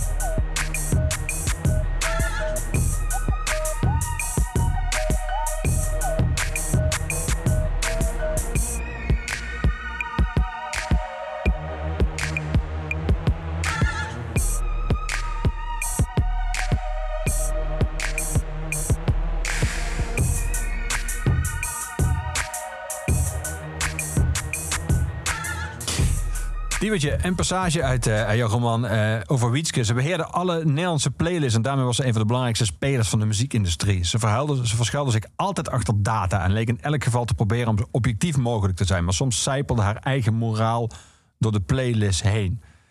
Die, was dat een strijd? Zeg maar, Ja. data versus moraal? Ja. Ja? In het begin was het een hele snobistische strijd. Hoe bedoel je? Dat je, ja, dat je denkt van, ah, jongens, dit is toch veel betere muziek, je moet hier naar luisteren. Op een gegeven moment kom je daar wel eh, op terug, want je denkt van, ja, dat is niet hoe je een goede playlist wordt. Eh, maar toen, ehm, ja, toen Nederlandse hiphop zo groot werd, zat natuurlijk ook wel een, moraal bij van enorm vrouwenvriendelijke tracks of eh, ja, gewelddadige muziek. Waar je, dan, waar je dan toch eigenlijk wel het liefst ja, een bepaalde keuze in zou willen maken die misschien niet gebaseerd is op data, maar waarop je denkt dat het belangrijk is dat mensen daar van op de hoogte zijn. En dat ging, dat heb ik niet heel vaak gedaan. Ik heb wel eens tegen een artiest gezegd van ga eerst maar kijken of het publiek het überhaupt leuk vindt en dan eh, kijken we of ik er een plekje voor vind, want ik vind het eigenlijk veel te seksistisch om iets mee te doen. En, maar dan was ik wel zo, als het publiek, als de data aantonen van we vinden dit tof, dan, ja, dan is dat wat het publiek wil. En dan Ja. moet je daar ook gewoon eh, genoegen meenemen. Was je wel eens teleurgesteld in het publiek? Ja, heel vaak. Ja? Ja, heel vaak. Vooral wanneer het niet zozeer over dat. Want kijk, ik heb zelf. Dat is natuurlijk het probleem. Als je heel veel naar hip-hop luistert. en ook vanaf jong. Ik heb naar vreselijk vrouwenvriendelijke muziek geluisterd. Maar ik kon voor mezelf altijd wel. eh uitleggen. Ik kon het altijd wel gewoon zien als iets fictiefs. En als iets eh, wat gewoon entertainment was. En ik nam het niet te serieus.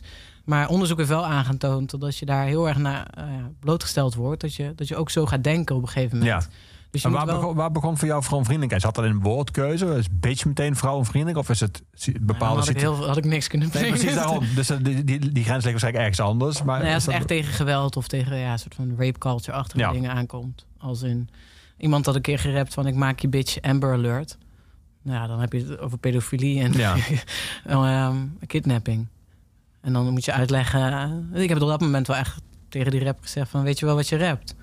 Ja, is gewoon, eh, ik zeg gewoon niet. Ja, nou ja, je zegt, je zegt eigenlijk, ben je pedofiel dan? Is dat iets wat je, waar je achter staat? Nee, nee, nee, natuurlijk niet. Ja, zal ik toch niet met deze tekst naar buiten komen?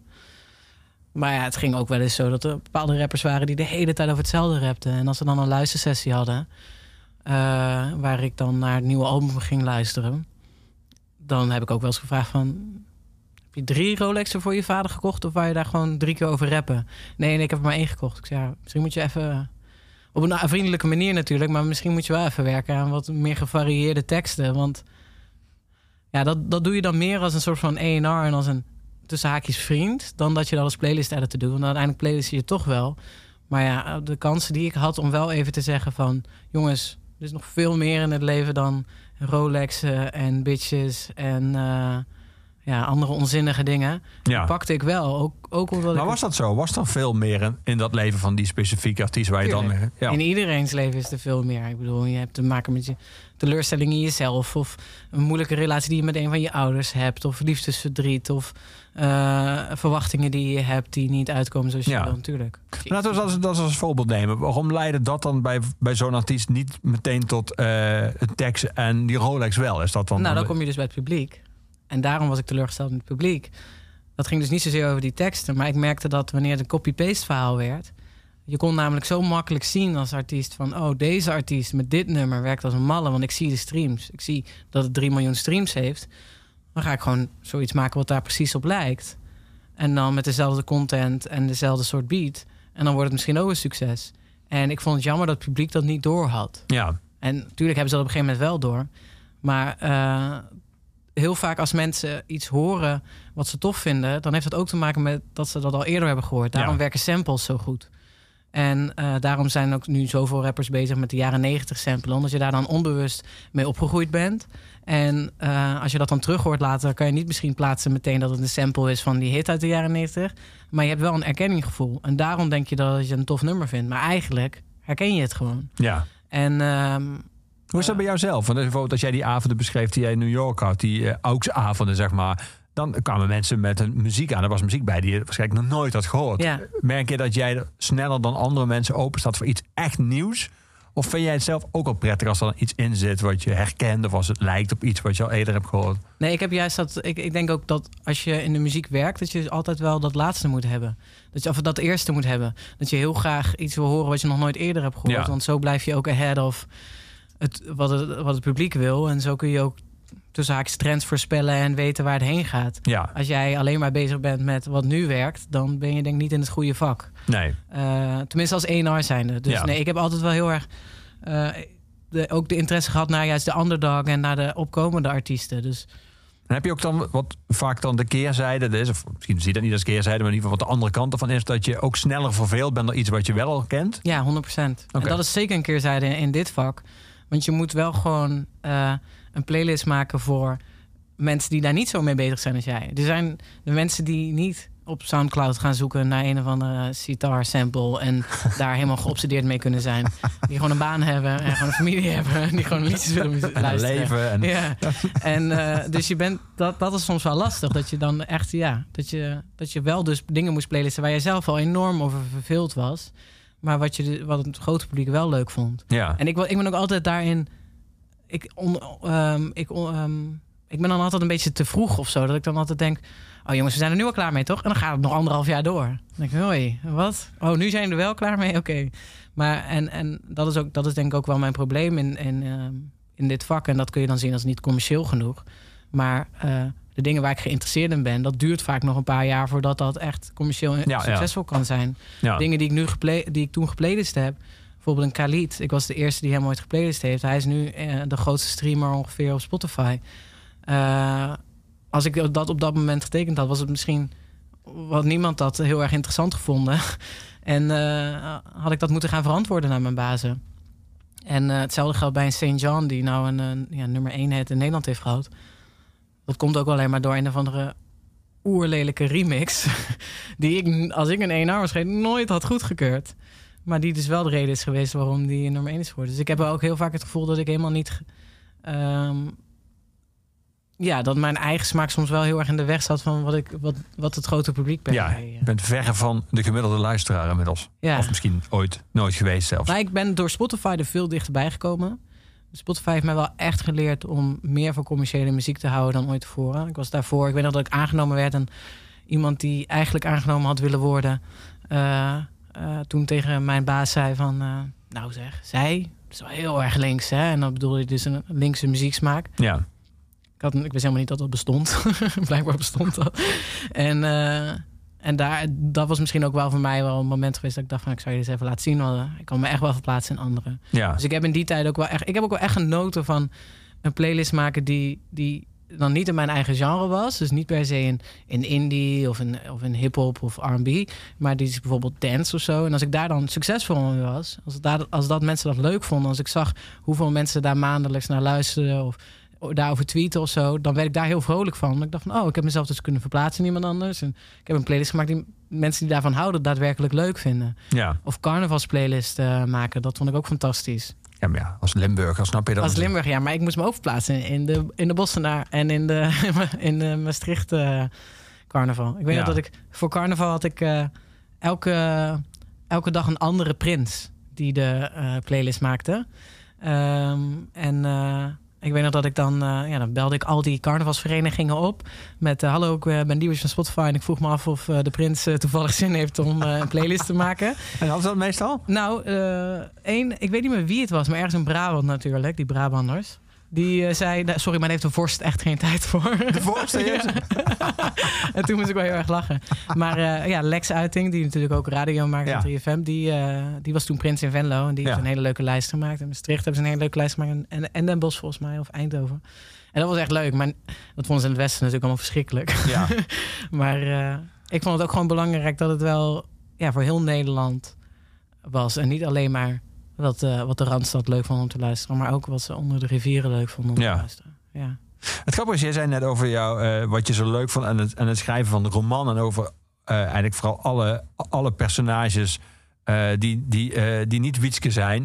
die, die verder van je afstonden. Dat een soort van oefening in empathie was ook. Maar dat gold dus eigenlijk ook voor jouw werk bij Spotify. Dat was ook een oefening in empathie. Je moest je inleven in de muzieksmaak van mensen die een heel ander smaak hebben dan jezelf. Ja, Ik was ook daar best wel fantasierijk in. Ik had ook echt altijd iemand- iemand in mijn hoofd per elke lijst over wie dat dan zou luisteren, hoe oud ze waren, wat voor werk ze deden en eh, waar ze woonden en eh, hoe ze zich kleden en wat ze deden als ze, voor hun plezier en zo. Ik denk ook dat je dan ook misschien wel de beste playlist kan maken zonder een stereotypering te hebben natuurlijk. Ja. Maar het is toch wel fijn om een doelgroep in. eh, Dat leren ze je ook in alle marketingscholen die je hebt. Als je een doelgroep in ogen hebt, dan kan je een beter marketingplan schrijven. En in die zin waren playlists natuurlijk wel merken. Je was wel gewoon bezig met een merk op te bouwen. Ehm, maar ik denk dat dat ook wel de reden is geweest waarom ik zo makkelijk kon omschakelen naar mezelf verplaatsen in personages van een boekje. Ja. Er staat één passage in je roman. eh, eh, die, gaat, die is naar aanleiding van een eh, televisiedebat met strijder. Naar aanleiding van ho- homofobe opmerkingen. Het maakt me niet uit of strijder fout is of niet. Ik ga het nooit eens zijn met iemand die dobbelnegers verzonnen heeft om verdronken vluchtelingen, mee aan te duiden. Dus hij heeft tv geweest met een vrouw Aida die dat ooit geschreven heeft. Die die term dobbelnegers die kennen we van eh Annabel Nanninga. eh, toen nog geen stijl, columnist. Inmiddels zit ze in de gemeenteraad en de Provinciale Staat... en de Eerste Kamer voor Vorm voor Democratie. Ehm, precies.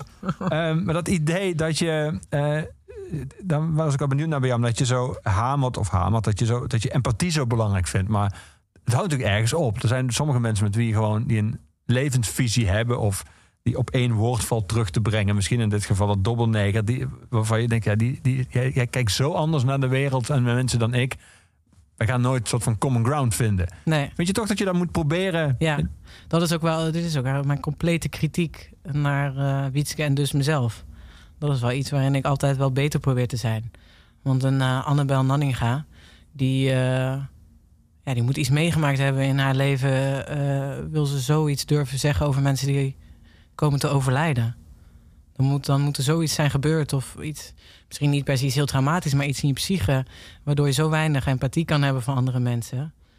En, ik En daar ben je dan toch benieuwd naar. ja, daar ben ik wel benieuwd naar. Maar dan ben ik ook. Ik, het, ik, ik ben ervan overtuigd dat het haat, haar haten het niet gaat helpen. Al, al is het maar voor mijn eigen psyche, als het maar voor mijn eigen karma. En ik, eh, dat is een constante struggle die ik heb. Want je bent. Het is heel lastig om met mensen in debat te gaan die, die andere mensen eh, eigenlijk het licht niet in de ogen gunnen. Die bepaalde mensenrechten gewoon eh, ja, weg willen nemen. Mhm. Wat, wat voor debat heb je dan? Dan heb je geen eerlijk debat. Dan, dan ben je eigenlijk tegen iemand te strijden waar je. Dan begin, sta je al 10-0 achter. Maar toch is dat wel belangrijk om te blijven doen. Ja. En dat zie je nu meer dan ooit tevoren. Ja, vond je dat lastig? En, bedoel, je hebt natuurlijk eh, gehad, je hebt een jaar lang in New York gewoond. Je hebt daar veel vrienden gemaakt. Vroeg net aan jou, heb je daar contact met ze gehad toen eh, Trump werd weggestemd met Joe Biden?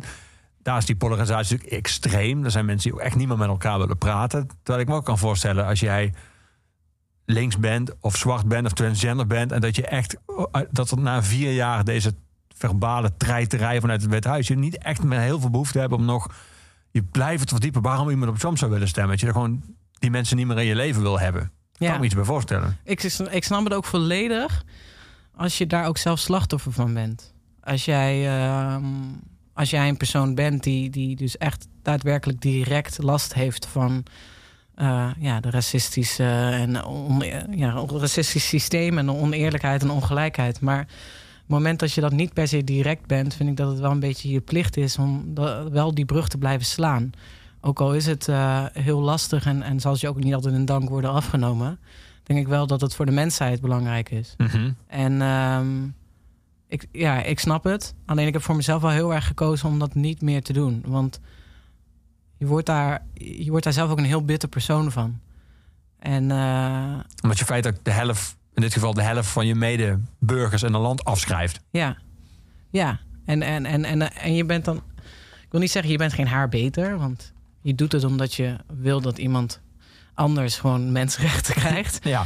Maar ehm, het, het helpt niet mee. Ik merk dat ook in, in, in gesprekken die ik heb bij eh, mensen in mijn omgeving... die heel anders in het leven staan dan ik. Of eh, ja, wel wat rechtser zijn dan ik. Het is niet heel moeilijk om wat rechtser te zijn dan ik in principe, maar een stuk rechtser. En ik merk toch echt dat eh, wanneer het gesprek is... Dat, en ik niet emotioneel word... het veel beter gaat dan wanneer ik wel emotioneel word. En de enige die daar de hele tijd last van heeft...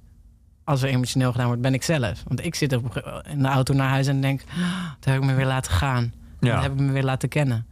Terwijl als ik eh, gewoon een dialoog aanga, dan heb ik wel eens voor elkaar gekregen dat iemand ook daadwerkelijk luistert en ook zijn mening bijschouwt. Ik bedoel, toen de hele Zwarte Piet discussie net opkwam in, in Nederland, tenminste onder het grote publiek, eh, toen heb ik op twee manieren gedaan. Ik heb vrienden verloren omdat ik er met gestrekt been in ging.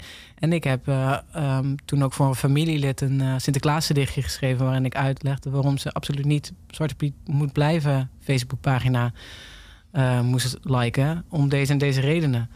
En toen is ze wel van mening veranderd. En, dat is van, en nu is ze zelf degene die met gestrekt been overal ingaat... Bij, bij de mensen in haar omgeving... Maar het is wel... Zwarte Piet in bedoel je? Ja, dus ja, ja anti-Zwarte Piet.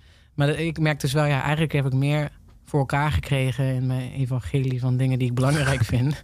Wanneer ik gewoon rustig blijf en het dialoog aan blijven laten ja. gaan. Dan of wat ik, of uh... we moeten gewoon elkaar overtuigen met, met Sinterklaas gedicht. Dat is misschien, misschien de manier. Ja, hè? ja, in mijn familie was het sowieso de manier om eerlijk te zijn naar elkaar. Elke Serieus? Sinterklaas ging, uh, ging er wel iemand huilend naar boven... omdat de waarheid een keer verteld werd in een gedicht.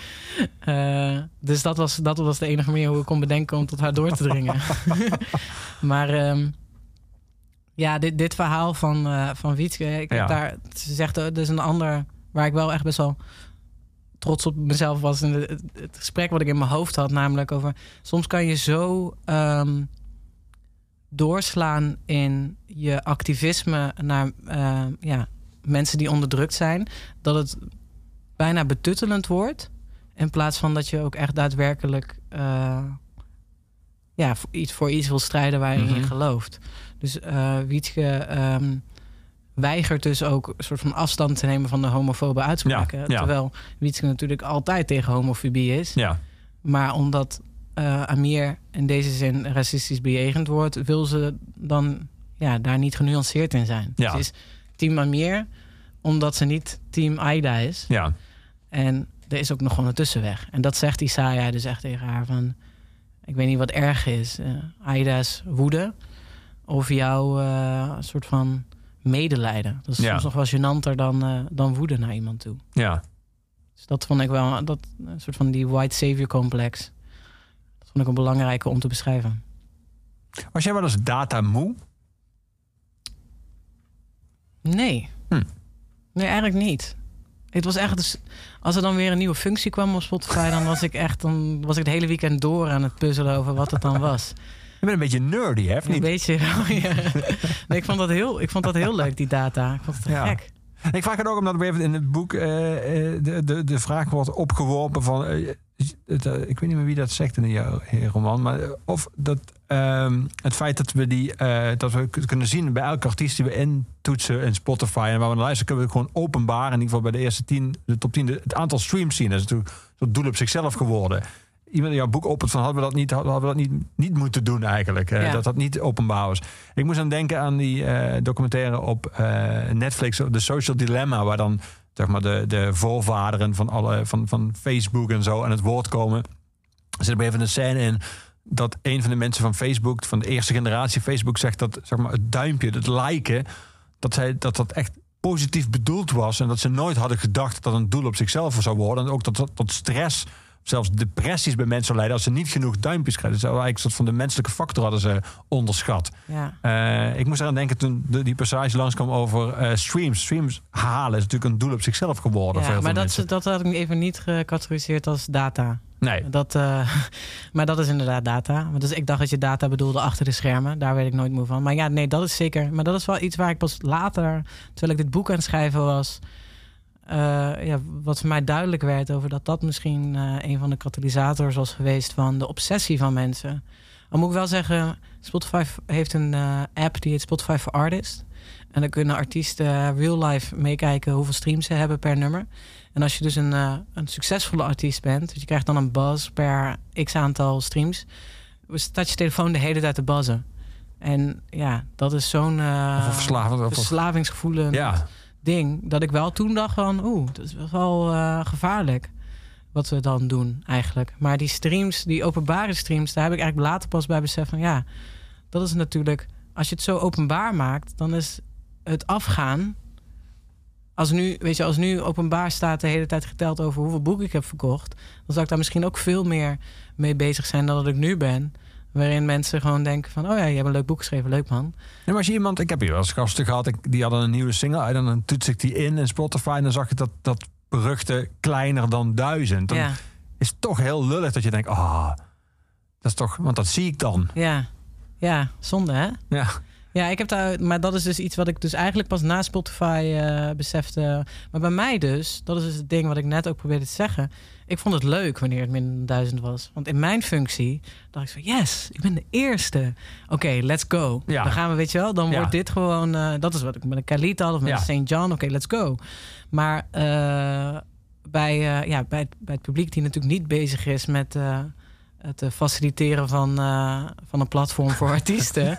is dat heel veel mensen denken: ik ga er niet naar luisteren, want het heeft niet genoeg streams. En dat is natuurlijk bizar. Ja. Ik snap niet hoe je zo kan denken. het is het omgekeerde van 100 million people can be wrong en zo van minder dan duizend, die hebben dan sowieso gelijk. Ja, zo, want maar terwijl, terwijl als je. handvaart er wel meer geweest. Ja, maar terwijl dat is, dat, dat is in de muziek echt niet zo. Ik Nee. ken zoveel goede nummers. Ik heb toevallig vandaag nog echt een prachtig nummer gehoord die maar 7000 plays heeft.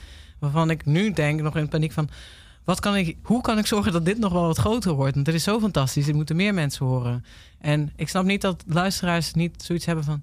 als ik dit nummer hoor en ik vind het fantastisch... kan ik het naar mijn vrienden sturen. En als zij het vet vinden... dan ben ik degene die dat nummer ooit stuurt. Dat, die drang heb ik altijd, weet Ja. je?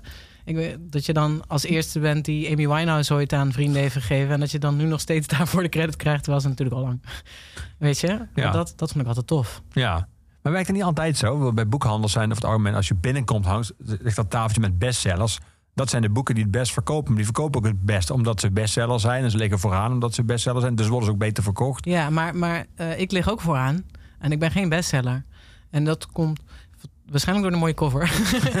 nee, dat komt door, eh, hoop ik, omdat er boekhandelaren zijn die dat gelezen hebben. En dachten, hé, hey, dit is iets wat mensen moeten lezen. Ja, Eh, en dat komt waarschijnlijk ook door media-aandacht. ja, Maar ehm, ik denk dat dat, dat, eh, dat spoonfeeden, dat dat wel heel erg belangrijk is. En dat is dus ook wat ik heb proberen te doen in, eh, in, de, in de playlist. Van beetje bij beetje er wel artiesten inzetten die, ehm, die, die meer luisteraars verdienen. Omdat Ja. je denkt dat die muziek zo ontzettend goed is en er bij meer mensen kan aanslaan. ja. Maar er zijn natuurlijk playlists. Als een woordenschat, als een Hot Hits NL. Heet volgens mij Top Hits NL nu. ehm, die gewoon bedoeld zijn voor bestsellers. Ja, Ja. ja. Data versus moraal. Dat is dus een, een, een- discussie die ook in het hoofd van Wietske zich af en toe afspeelt. Eh, maar wat uiteindelijk toch bij haar doorklinkt, en dat is jouw stem, dat is wel heel duidelijk hier, is een enorme liefde voor hip-hop. En er staat eigenlijk een stuk in het boek, een passage die een soort van, bijna, eh, ik zou bijna zeggen, een soort mission statement is van wat de, wat, wat de essentie is van, van de aard, eh, ik zou bijna zeggen, de ziel van hip-hop muziek. Die vond ik zo fraai dat ik je zou willen vragen of je die, eh, die passage zou willen eh, voorlezen. Dat is wat ze altijd het tofst had gevonden aan hip-hop: de overlevingsdrang. Veel mensen wisten dat hip-hop in de jaren 70 was ontstaan in, de, ontstaan in de Bronx. Als antwoord van de Afro-Amerikaanse gemeenschap om een dagelijkse worstelingen met racisme, ongelijkheid, verslaving en geweld. Het begon als een muzikale strijd tussen MC's die elkaar tijdens blockparties onder begeleiding van een DJ vocaal te lijf gingen. Maar weinig mensen wisten dat de blackout van 1977 de katalysator was geweest voor de groei van het genre. Voor de enorme stroomuitval dat jaar was er maar een handjevol DJ-crews in de Bronx die de faciliteiten hadden om een blockparty te hosten.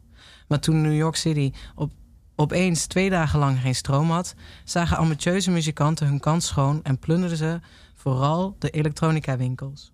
Opeens was New York honderden DJ-crews rijker en was de strijd om de beste te zijn groter dan ooit. Hip-hop groeide uit tot een van de populairste genres van de Verenigde Staten. En het duurde niet lang voordat de rest van de wereld ook in de banden raakte. Wieske was ervan overtuigd dat dit het ideale moment was voor de Nederlandse hip-hop. De millennials waren zelfstandige onderdelen van de samenleving en Generation Z was aan het puberen. Twee generaties die opgroeiden met de boodschap dat de multiculturele samenleving mislukt was. Terwijl een kwart van de Nederlandse samenleving een, migratieachtergrond had. Niet geïnteresseerd in de cultuur van verzuiling die de oudere generaties nog steeds in hun greep hield, omar- omarmden deze generaties juist de ander. Want ze waren voor een kwart die ander. Ze waren toe aan een kunstvorm die de diversiteit van hun omgeving niet alleen weerspiegelde, maar ook bejubelde. Ook hier was hip-hop een revolutionaire stroming, geboren uit een drang naar de vrijheid en een ander geluid. Hiphop werd wereldwijd de soundtrack van de extreme globalisatie, waarvan Lisna ook onderdeel was. In Nederland was er toevallig iemand die het verhaal kende en mazzelde met de timing.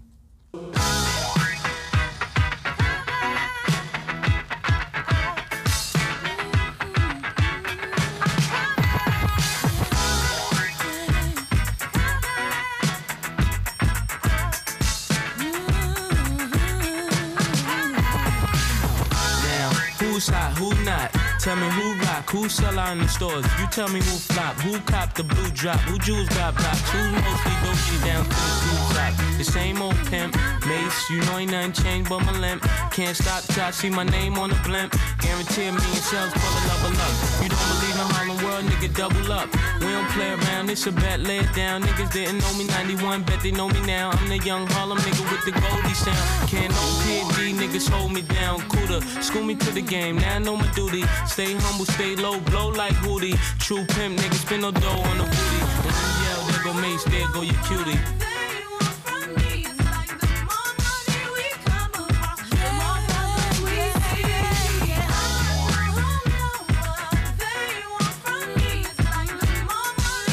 Yeah, yeah, uh-huh. I'm the D to the A to the D to Y. I know you rather see me die than to see me fly. I call all the shots, rip all the spots, rock all the rocks, cop all the drops. I know you thinking now when all the ball stopped. Nigga never home, gotta call me on the yacht. Ten years from now, we'll still be on top. Yo, I thought I told you that we won't stop. Now what you gonna do with a crew that got money much longer than yours and a team much stronger than yours? Violate me, this a BO day. We don't play, mess around, be DOA, be on your way. Cause it ain't enough time here, ain't enough lime here for you to shine here. Deal with many women, but treat down's fair. And I'm bigger than the city lights down in Times Square. Yeah, yeah, yeah.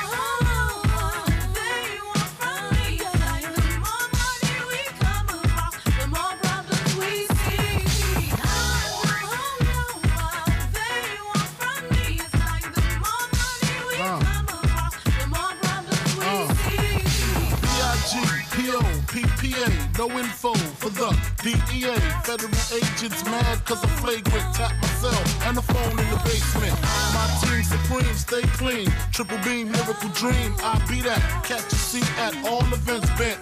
Gats and holsters, girls on shoulders. Playboy, I told ya, me and Mike's to me.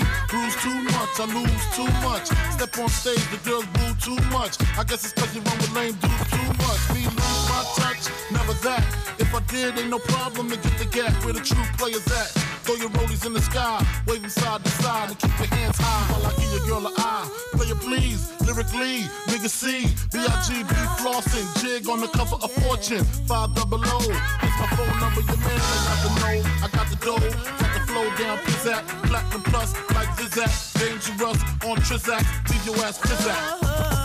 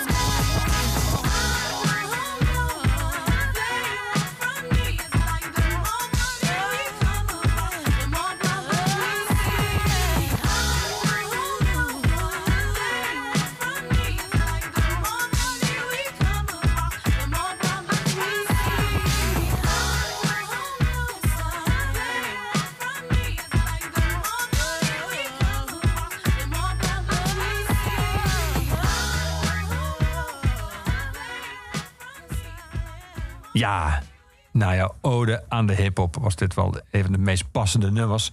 Ehm Diebertje, we zijn bijna aan het einde van deze oeverloos al. Het ging heel snel met jou.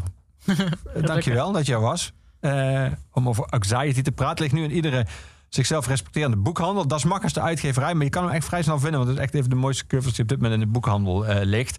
Ben je al bezig aan de, aan de tweede? Of ben je nu toch met die poëzie verder gegaan? Ben ik wel benieuwd naar eigenlijk. Ehm, beide een beetje. Oh. Ik ben een beetje bij elkaar aan het brengen en eh, aan het eh, inschatten of het wat is, de poëzie. Ehm, en eh, ik heb een verhaal uitgetekend in mijn hoofd voor het tweede boek. Alleen dat vergt best wel veel onderzoek. Hmm. Dus daar ben ik ook gewoon mondje maar mee bezig. Ik ben nog best wel veel promo aan doen voor dit boek. En er komt misschien nog wel een staartje aan dit verhaal van Anxiety. Dus daar moet ik... eh, misschien ben ik daar wel druk mee bezig het aankomende jaar.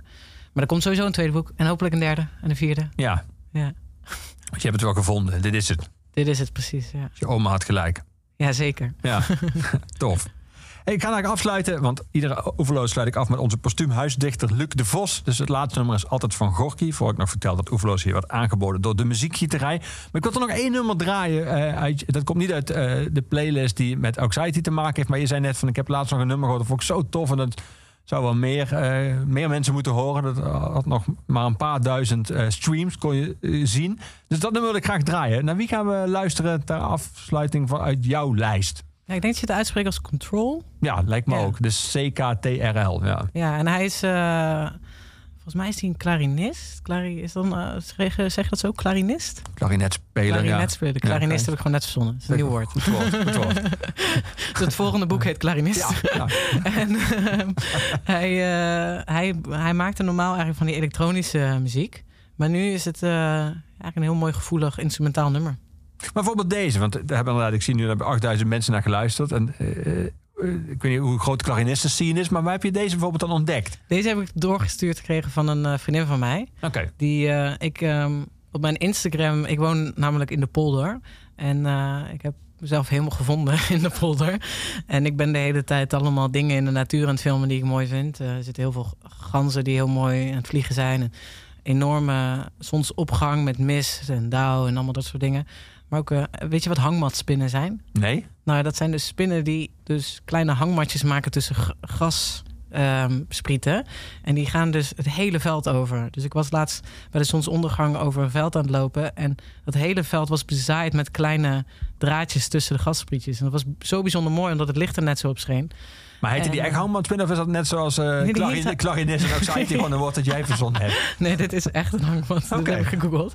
En ehm, eh, eh, ja, dus dat was ik aan het filmen. En dan zet ik er altijd muziek onder. En heel vaak zet ik daar eh, instrumentale muziek onder. En eh, dus zij was helemaal in de mood van al die muziek te zetten. En zij zei, ik denk dat je dit ook heel erg mooi gaat vinden. En ze had, Ze had gelijk. Ze had echt gelijk. Ja. Ja, Control, denken we dus dat je het uitspreekt. Robin heet het nummer. Dat is de laatste. Eh, en daarna gaan we luisteren naar uh, Gorky. Diewertje, dankjewel. Dank jou Voor deze overloos. Uh, Anxiety nog eenmaal, zo heet hij. En dit is het laatste nummer van Diewertje. Dit is Robin door Control.